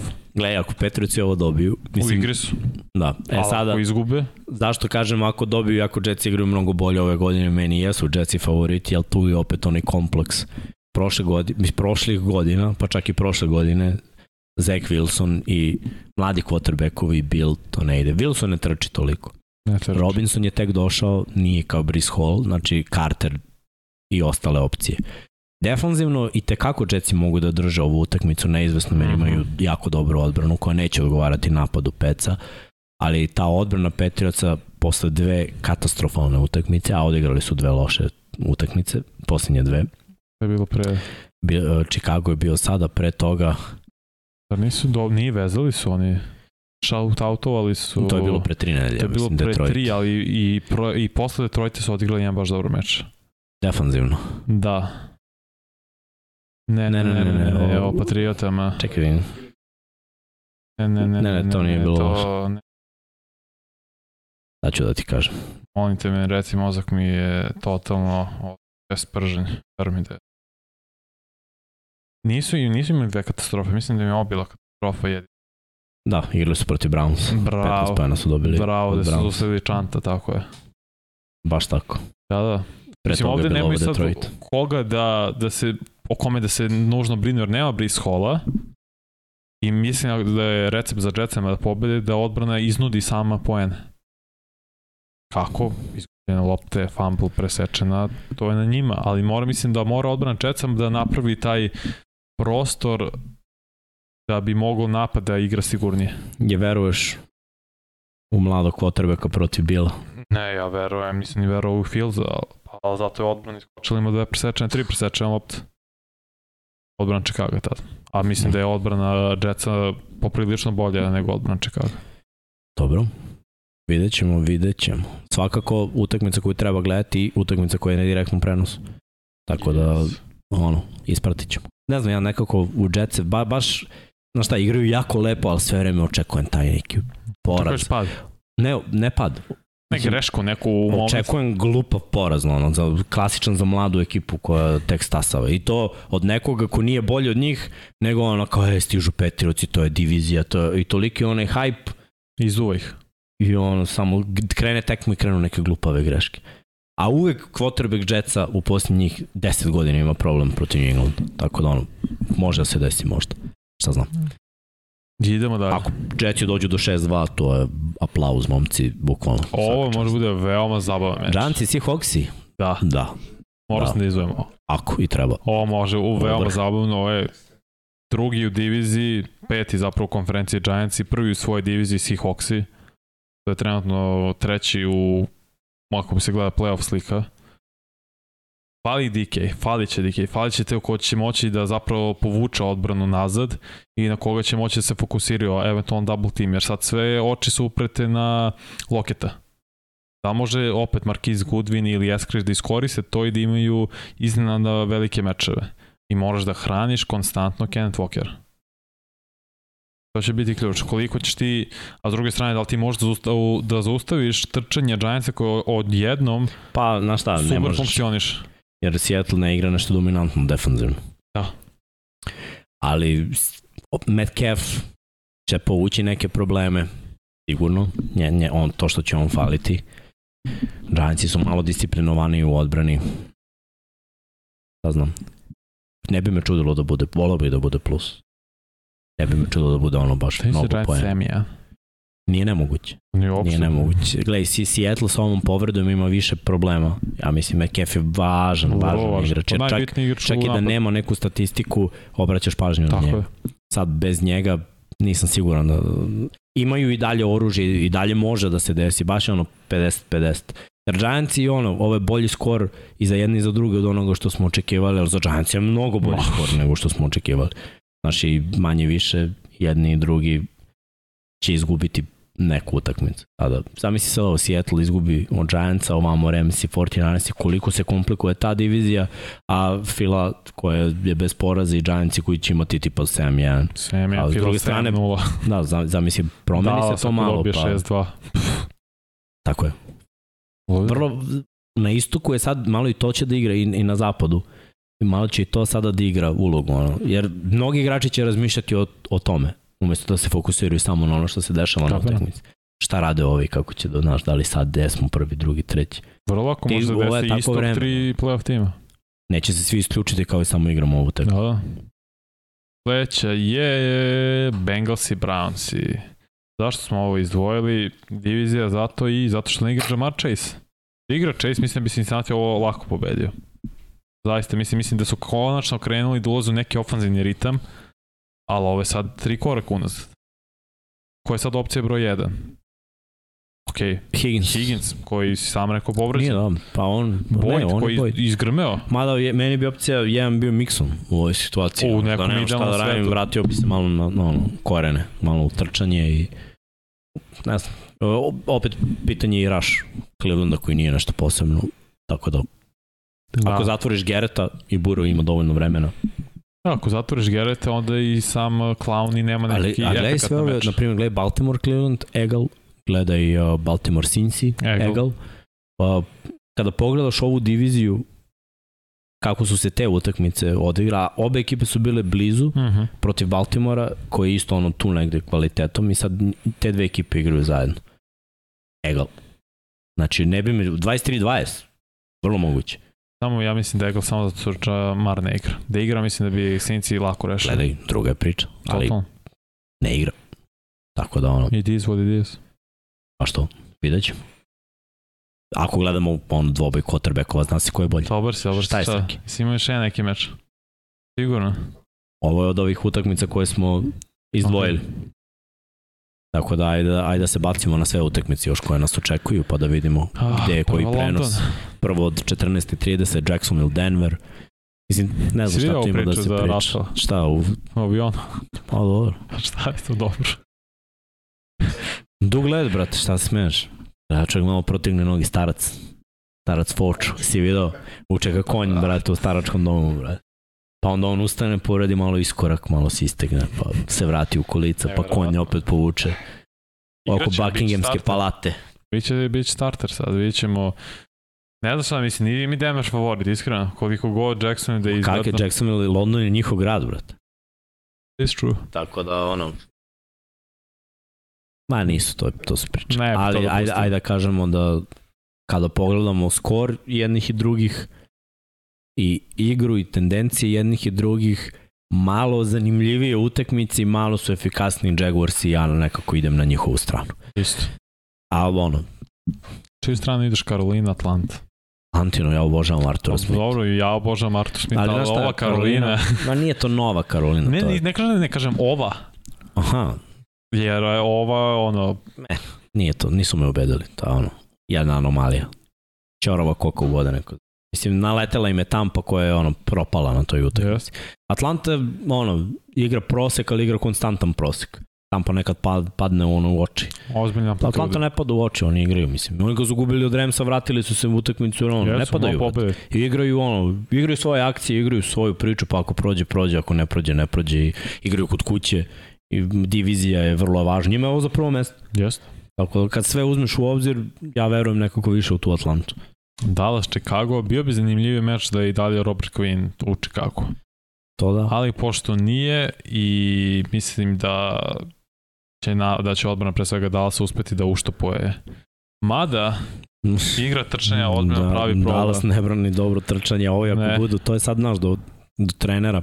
Ako oni budu uspostavili to trčanje sa Herbertom Montgomery... Dallas zapravo, izvinš, za prekine za defensivna tekla Raidersa ovog uh, Hankinsa, ili kako se preziva, baš da bi zapravo poboljšao igru protiv trčanja. Pa vidjet ćemo, da li će to da bude toliko dobro. Ispravite u komentarima, mislim da nisam izgovorio čovjeku dobro prezime, samo pišete koje je tačno prezime pa ćemo pročitati, ali ja još jedan test za taka da ima koliko, koliko rđu može da skine sa ovog meča.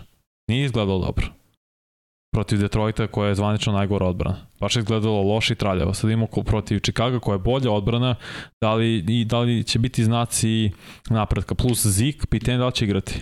Ima povredu kolana, bilo je malo ružno vidjeti ono hiperekstenziju. Da. Sreće pa nije bilo na ovaj... E, da kažem, ne, ne, na, nije mu bila stajna noga. Aha. Pa to ono da je bila stajna, mislim je pokidao ligamente, bi to bilo to. Ali ja mislim da bi trebali da ga odmore ovaj meč jer onda ide sledi baj i da se spremi za drugi deo sezone. Imaš Pollarda i jesi uspostavio neku igru trčanja, ali protiv Chicaga bi trebao bez Kvina sada da nemaš tolike probleme. Ne bi stavio Zika da igra. Gledaj, opasni će biti, opasniji će biti Bersi nego Detroit. Hoće? Hankins. Kako? Jonathan Hankins. Jonathan Hankins, hvala. Hankins. Da. Hvala, hvala, hvala. Šta znam? Mislim, verujem u Dallas, jer imaju malo bolje talent, ali Chicago je sada postao ekipa koja ne zna šta da očekuješ. Dolphins i Lionsi, tu znamo šta da očekujemo. Detroit tone polako, ali sigurno i sve ono što je žarilo i palilo u Hard Knocksu ugasilo se, a mislim ono dok god Tua igra, a igra, a ja, ja ne vidim nekako scenariju da Detroit može tu da igra protiv Dolphinsa. Talentovani su dosta. Minnesota Cardinals i da idu u Minnesota. Ovo može da bude onako utakmica gde će jedni drugi odustati od trčanja. Ali za Vikings se to ne bi bilo dobro, jer ovo što rade za sad funkcioniše. Bili su na baju, tako da su imali dodatno vremena da se spreme. U principu treba da drže outside contain, za Darius Smith je preiskusan igrač koji može da im pomogne u tome. Uh mhm. -huh. ono, da tačno rasporede snage kako treba. Uh, znaš šta mi je problem? Ono, Hopkins se vratio, to smo pričali, imao je dobar meč. 10 hvatanja, 100 yardi imao je preko 100 yardi, ali ostatak ekipe fali, to je baš bilo mnogo forsiranja za Hopkinsa i ne bi Arizona to dobila da Andy nije delio mm, Tako je. šakom i kapom, 3 interseptiona, 2 pick sixa. Znači ti kad oduzmeš tih 14 poena, ti Arizona je, misli, jeste dala 40 i sve to, ali baš, baš su ih častili. Napad je dao 28. Kirk ove godine ne deli toliko lopti i ona, Minnesota deluje mnogo sigurniji. Vrlo... Po meni favorit pogledati skor opet ta jedan poraz samo Minnesota mm -hmm. govori o tome da su u principu jako konstantni, naročito protiv prosjek ekipa kako je Arizona. Vrlo čudan meč, Raiders i Saints. Ne znam šta da mislim, iskreno. Sam pa Raidersi su, boljem, Raidersi su u boljem zaletu, mi ne znamo ko će da igra quarterbacka. Dalton je mislim. Da, da i dalje da Andy. Ne znam. Ne znam. Da, ovde sve stoji 19 časova, ali treba 18. Da, pa nije povuklo kad smo pravili grafike dalje na zvaničnom sajtu ESPN-a. Da. Dobro. E, pred, ne, ne, bravo. Ne, učinim se da se nešto promenio na sekund, ali sve ok. Raidersi, da kažemo, uh mhm. -huh. u poslednje vreme igraju bolje futbol, čak i protiv Chiefsa ono bilo dobro, između toga su vezali pobede kada je bilo ono baš for kada mora da se pobedi. Tako. Proradilo je trčanje. Dobili su Denver, Saintsi pa, Raid, pa do ove godine su branili trčanje, ove godine ne brane trčanje i to bi mogla da bude šansa Raidersa da se ne uplaše ove odbrane Saintsa, već da isforsiraju to. Latimor ne igra već neko vreme.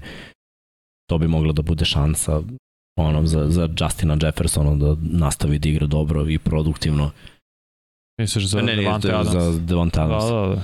Što se tiče, da, što, što se tiče Volera, opet nema pravog bekera. Znaš šta, ove godine mnogo više sekova i na Blitz ide Demario Davis. Što može da otvori sredinu terena. malo sredinu terena, da, i Volera. I opet kada pogledam šta može da uradi ekipa Saintsa ofanzivno, ako bude igrao Thomas, Olave je pokidao prošlu utakmicu i trebamo davati više šansi. Kamera trade ili nije trade ili šta je, ako Znači. ostaje ako ostaje da igra protiv ove odbrane Raidersa moraju da uspostave trče. Kotrbek ne sme da greši da proda loptu i može da bude egal, može da bude jako zanimljivo. Ne mora da znači, ali može da bude jako zanimljivo. Ovo je jedna od onih utakmica, baš to kažeš, ne znam šta da očekuješ.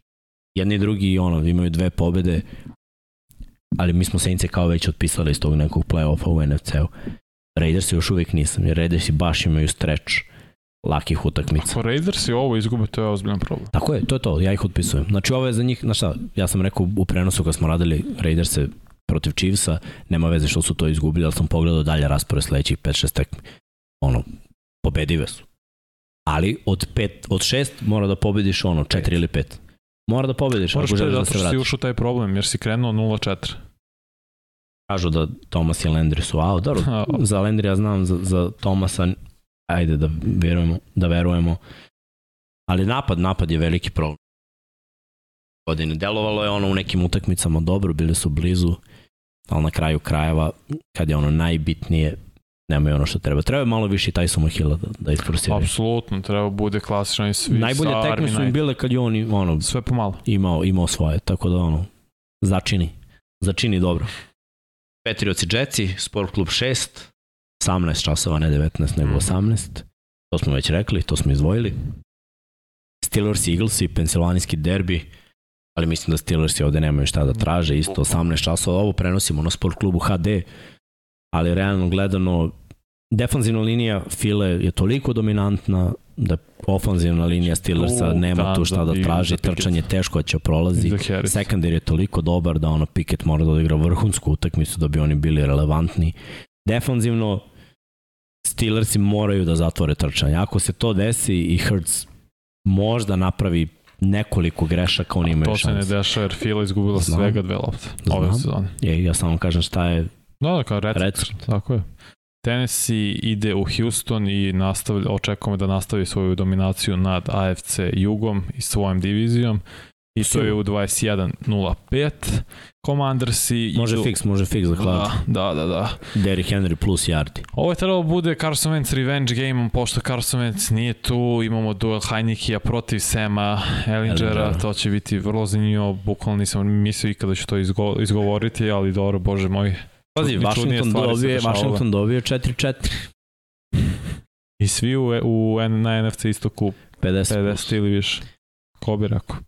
Stvarno ne znam kako kolci Ellingera mogu ovde. Mislim, ono, Mora da Taylor, Taylor 25 iz, nošenja minimalno. Ma 30, šta? Ko Henry prošle nedelje. Rams i 49ers, to smo uradili breakdown. Čudi mi to ne prenosi. Prenosimo, bre. Sigurno ja? Da, to ja radim. Jel radiš? Sport klub 1, da, da. Sako je, cool. Da. Pa, mislim, pošto fali tekmu u drugom terminu. To je jedna, a Giants i Seahawks mm -hmm. je mhm. druga. I to, ovo je isto. Sunday Monday night. Da, da. Tako da prenosimo sve to od 21-25. I sve ovo smo već najavili. Chiefs i Chargers su na spavanju, to jest baju, pa Chargersi imaju mnogo više potrebe nego Chiefsima. Ali dobro, ovo je tamo i vreme za Chiefs i za Tonija da uđe u sistem Jurita. Tamo da iskoriste ovaj bye week. I to bi bilo što Da, da, naravno imam prognoze, to, to kažem što je bilo to što tiče najave ovih utakmica, samo bacimo pogled na naše prognoze gde ja iz nekog razloga verovao svi mi biro Tom Brady, to se nije desilo. A, nije dobro. Hmm? Ovo je prošle nedelje. Ovo je prošle nedelje. Mora da ubaci, možda nije samo povuklo. Probaj da nađeš. Mi ćemo, mi ćemo čitamo pitanje dok ti ne nađeš. Samo pusti kadar na nas. Ajde, lagan, samo polako. Bez brige. Uh, na pitanje, samo na Slack da. uđeš? A znam koje je pitanje. Zašto da. nije uvijek full start kada se kreću guard i centar pre snapa, da, a da, kada se neko mm samo mrdne jeste? Zato što quarterback nije setovao.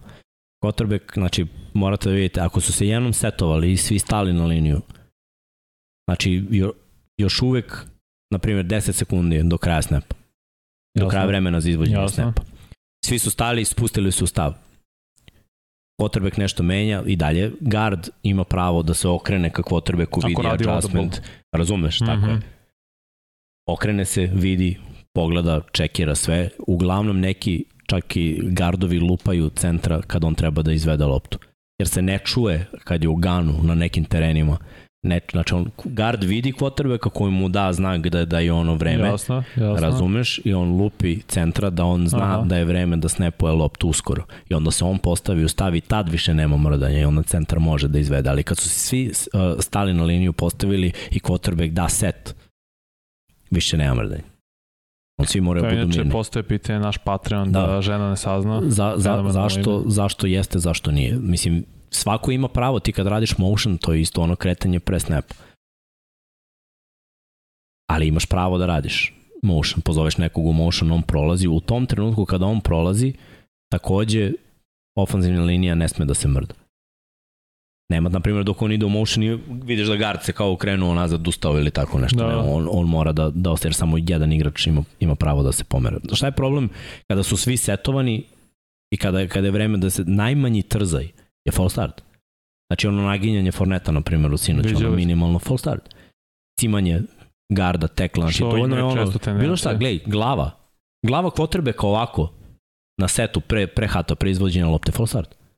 Odrag mora da bude miran. Znači nema ono trzanja njegovog i cimanja, to isto može da se okarakter... Sudija te upozore, jedno možeš da se provučeš.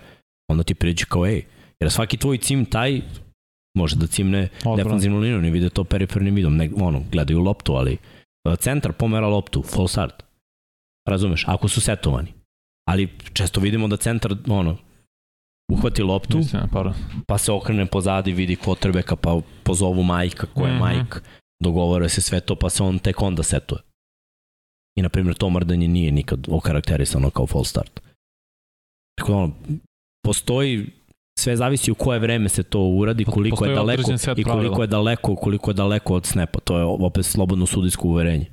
Znaš, ono, sud je odlučio kad si ti, da li si se na vreme postavio, da li si se setovao u, u stance i da je sledeće snap.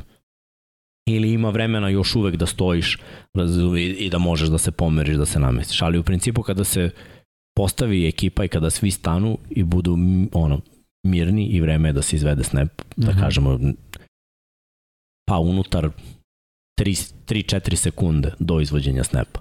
Svi mirni. Svi moraju budu mirni. Tako je. Ovo ranije, ako se neko cimne, jedno je cim, drugo je okretanje očigledno ono ustajanje. Jasno, i, Mislim, vidjeli, vidjeli smo naravno i da je dovoljno da budu sekundi, u jednu sekundu mirni. Pa I da. to kad je no huddle, pa, pa, pa, postavi se, zna se akcija mirni sekund, odmah se izvede. Tako je. Ali to, za to je potreban ozbiljan kočnik i ozbiljan uh, fokus. Da, Ti znaš akciju fokus. napred, isto, to je sve e, stvar treninga i ponavljanja. Isto kad igraš, znaš, kad znaš da, da spajkuješ loptu. Da. Ekipa kad uhvati loptu i kad stane, znaš, potrebno je ono, da svi budu mirni, ne, ne, nema cimanja. Tako da ono, često vidimo baš, baš ono, do, dosta tih full startova i do, dosta tih cimanja, uglavnom, igrača koji imaju jako dobrog igrača preko puta sebe. Znači onda u toj želji da napraviš pravi prvi korak, često napraviš grešku. Pa nastaje pitanje. Ti Srke probaj naš da je Head Drive Imamo Infinity pitanje gde je nestala vaša škola, škola futbola, neke akcije i to. Pa on, nemamo iz NFL akcije, nemamo pravo da puštamo video. A mm -hmm. raditi, da. raditi to iz igrice, on, meni nema smisla, iskreno ako bi analizirao, analizirao bi video snimak neke utakmice to, a to nemamo pravo da, da koristim. Ok.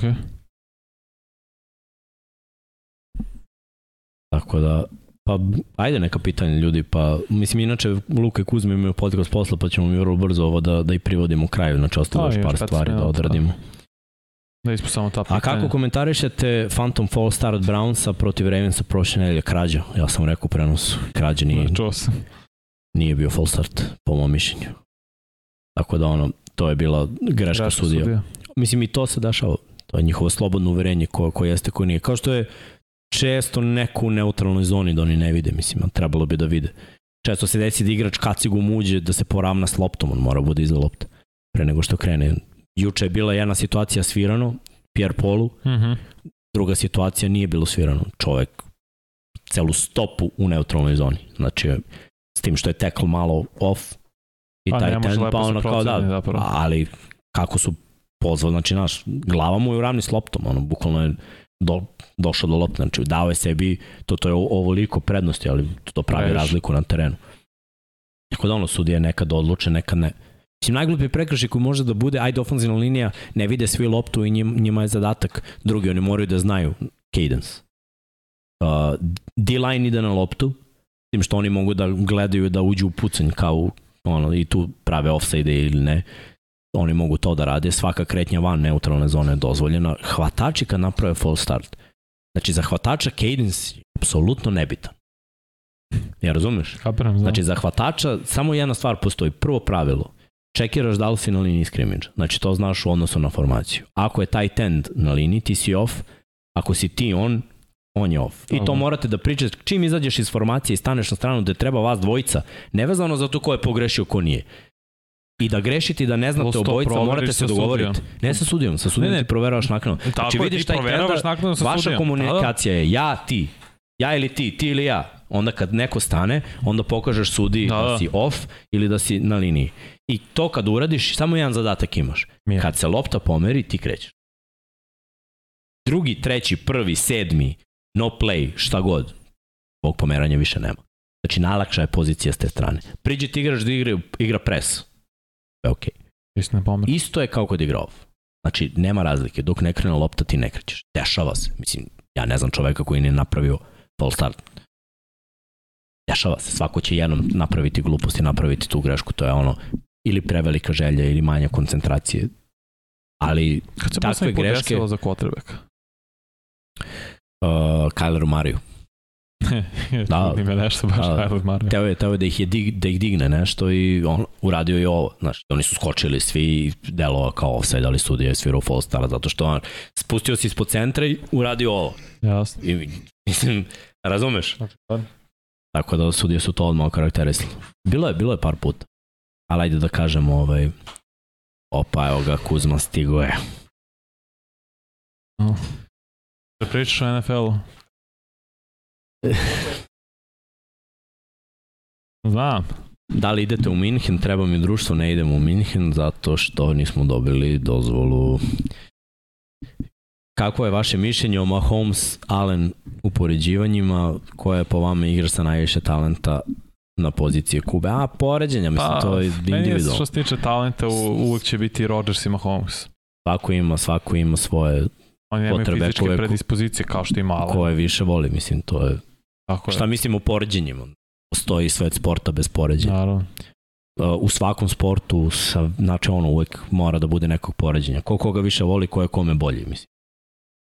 Uh, jel vredi knjiga? Vi ste jedini čitali knjiga je vrh. I no. knjiga je na sajmu još dva dana na bukvalno 50% popusta. Toliko, 1800 dinara je sad tako, u pretprodaju. cool nema fizičko, ima. Da, da kažemo, nema fizičko izdanje, nećete dobiti knjigu odmah, možete da je rezervišete za te novce i onda da dođete kada bude bila oštampana, pošto nije oštampana trenutno, ali na štampanju je. Možete da dođete po nju ili da je dobijete na kućnu adresu i, i to bi bilo to. Ali još dva dana može da se naruči na sajmu. Tako da to bi bilo to za dinastiju, za knjigu. Da. Kažu ljudi ovde da su se ispričali u četu, pa nemaju pitanja. Dobro, to je malo. Aj si našao ovo, Srki? Nisi, znači nemamo. Dobro. Ja sam rekao Baltimore. Zašto? Pa, sinoć. A ja sam rekao Tampa, ja sam to rekao na početku Tampa i... Šta mislite o Jamesu Winstonu, da li može zdrav da bude startnik u su mu dani startera odbrani? Pa znaš šta, mo... S obzirom da mu je rezerva Andy Dalton starteri. može. Pa šta Andy Dalton je starter? Ne, ne, ne, šta, Dva šta znači to? Može, šta je starter? za Saints trenutno može, da. Prosek, prosek imaju potreba. prosek na poziciji, treba im neko, sve jedno je Tako ko je. igra, Dalton ili ovaj. Obojica dodaju brzo, mnogo i neprecizno. I drugima. Da je bukvalno sve jedno koji od njih. Nije ovo dobro rešenje za Saints i mogli bi da utope nekoga za pikove i da izaberu kotrebeka i idu dobri draftovi, a kako su krenuli, verovatno će birati ove u sledeće dve, go, ova jedan od ove godine ide Fili, ali već da računamo Šta sledeće godine. Ovde? O, pozdrav. Aha, Prober Klinec, pozdrav svima, inače, a inače posebno pozdrav za Vladu iz Dogme i sestri Dijani koja je organizovala da mi stigne six pack seka za Nemačku. Degustacija sa ekipom Ballersa za te nedelju u Mihinu, fenomenalno. Carski. I veliki pozdrav za našeg fašketa. Čovek, mega, mega car. Znaš šta je Faške tražio? da mu pozajmimo ovaj ped, kacigu, dres i rukavice za Halloween. Na kuz. Samo ovaj ped se baš raspad. No i rekao sam i kaciga da je sve, malo sve kritična. On. Jedno, kacigu moramo da, da vežemo. Mo, sve jedne. Šta? Ali mora, moraš i ovo, Može, i ovo gore, moraš s vezicama. Dres neki, ne, odneće... A tvoje? Aha. Super, super. Jel imaš i helenke? Imaš zaštitu, on je kao pe, sunđer, daj mu sve mu odnesi, molim te.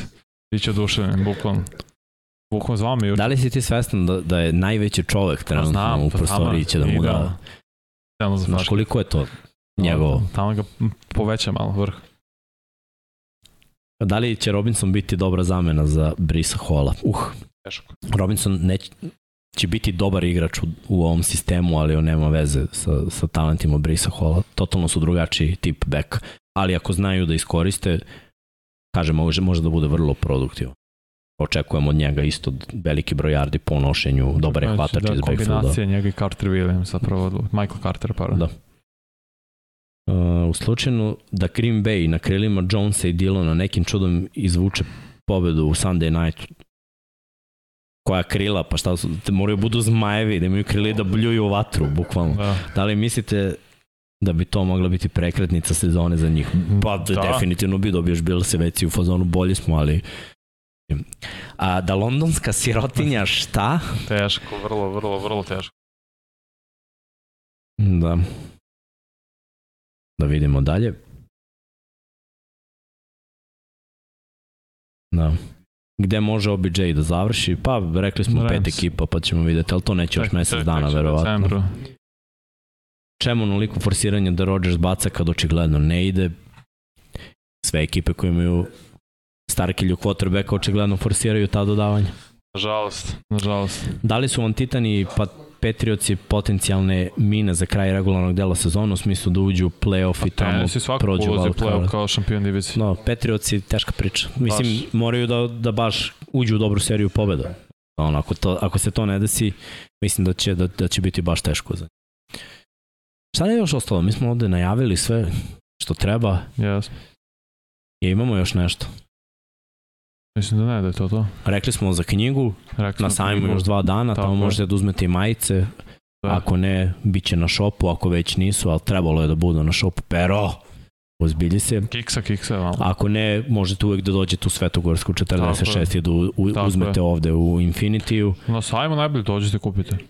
Onda, šta još imamo? To je to? Je siguran da je to to? Da, prošli smo i runner pool i sve. Da. Pool, znači najave yes. nemamo, naših prognoza, samo da. to nemamo. Ništa, to bi bilo to. Od 14.30 pa onda od 18, znači sat vremena ranije, 21, 25 i 01, 20. Fenomenal. Ove nedelje možete pratiti utakmice, pogledajte, ovde stavili smo gde će sve da bude u direktnim prenosima na kanalima Sport kluba. Takođe, još dva dana, još jednom poslednik sajam, možete uzeti sve knjige Infinity Lighthouse-a ili Dinastiju NFL u predprodaji, nema u fizičkom izdanju, nego u predprodaji za 1800 dinara, to je jedan sve ozbiljan povod. Da, majice takođe koje su 200 na vašu inicijativu, a naše odobrenje i takođe uh, možete malo poigrati meden ili da izlazate formulu ako idete na sajam, ako ne, sve to možete i uh, što se tiče majica ovde u Infinity Lighthouse-u a dođite u studiju. ovde formulu. Da, kako kad nema, Nakon. Aha, da, nakon. A što se tiče sledeće nedelje, mi smo tu ponovo u petak, nadam se u malo pojačanom izdanju. Verujem da Srki neće imati drke, Jimmy se vraća. Nije. Srki nije tu, a Jimmy? U Valencije. A Jimmy? Poslednja trka, a Jimmy, Dobro. je, na, Jimmy je Bali dalje. Pa neće biti valjda Hoće. dve nedelje. Dve nedelje, o. Jeste, sledeće nedelje tu smo manje ja, a budite i vi. Ako vam je teško od dogmica 9.9, pa rokite malo, pojačite se kao što ćemo Tako i mi sada, a boga mi i na sajmu, a boga mi i u nedelju kada budemo gledali Tako. NFL, a do sledećeg petka. Veliki pozdrav.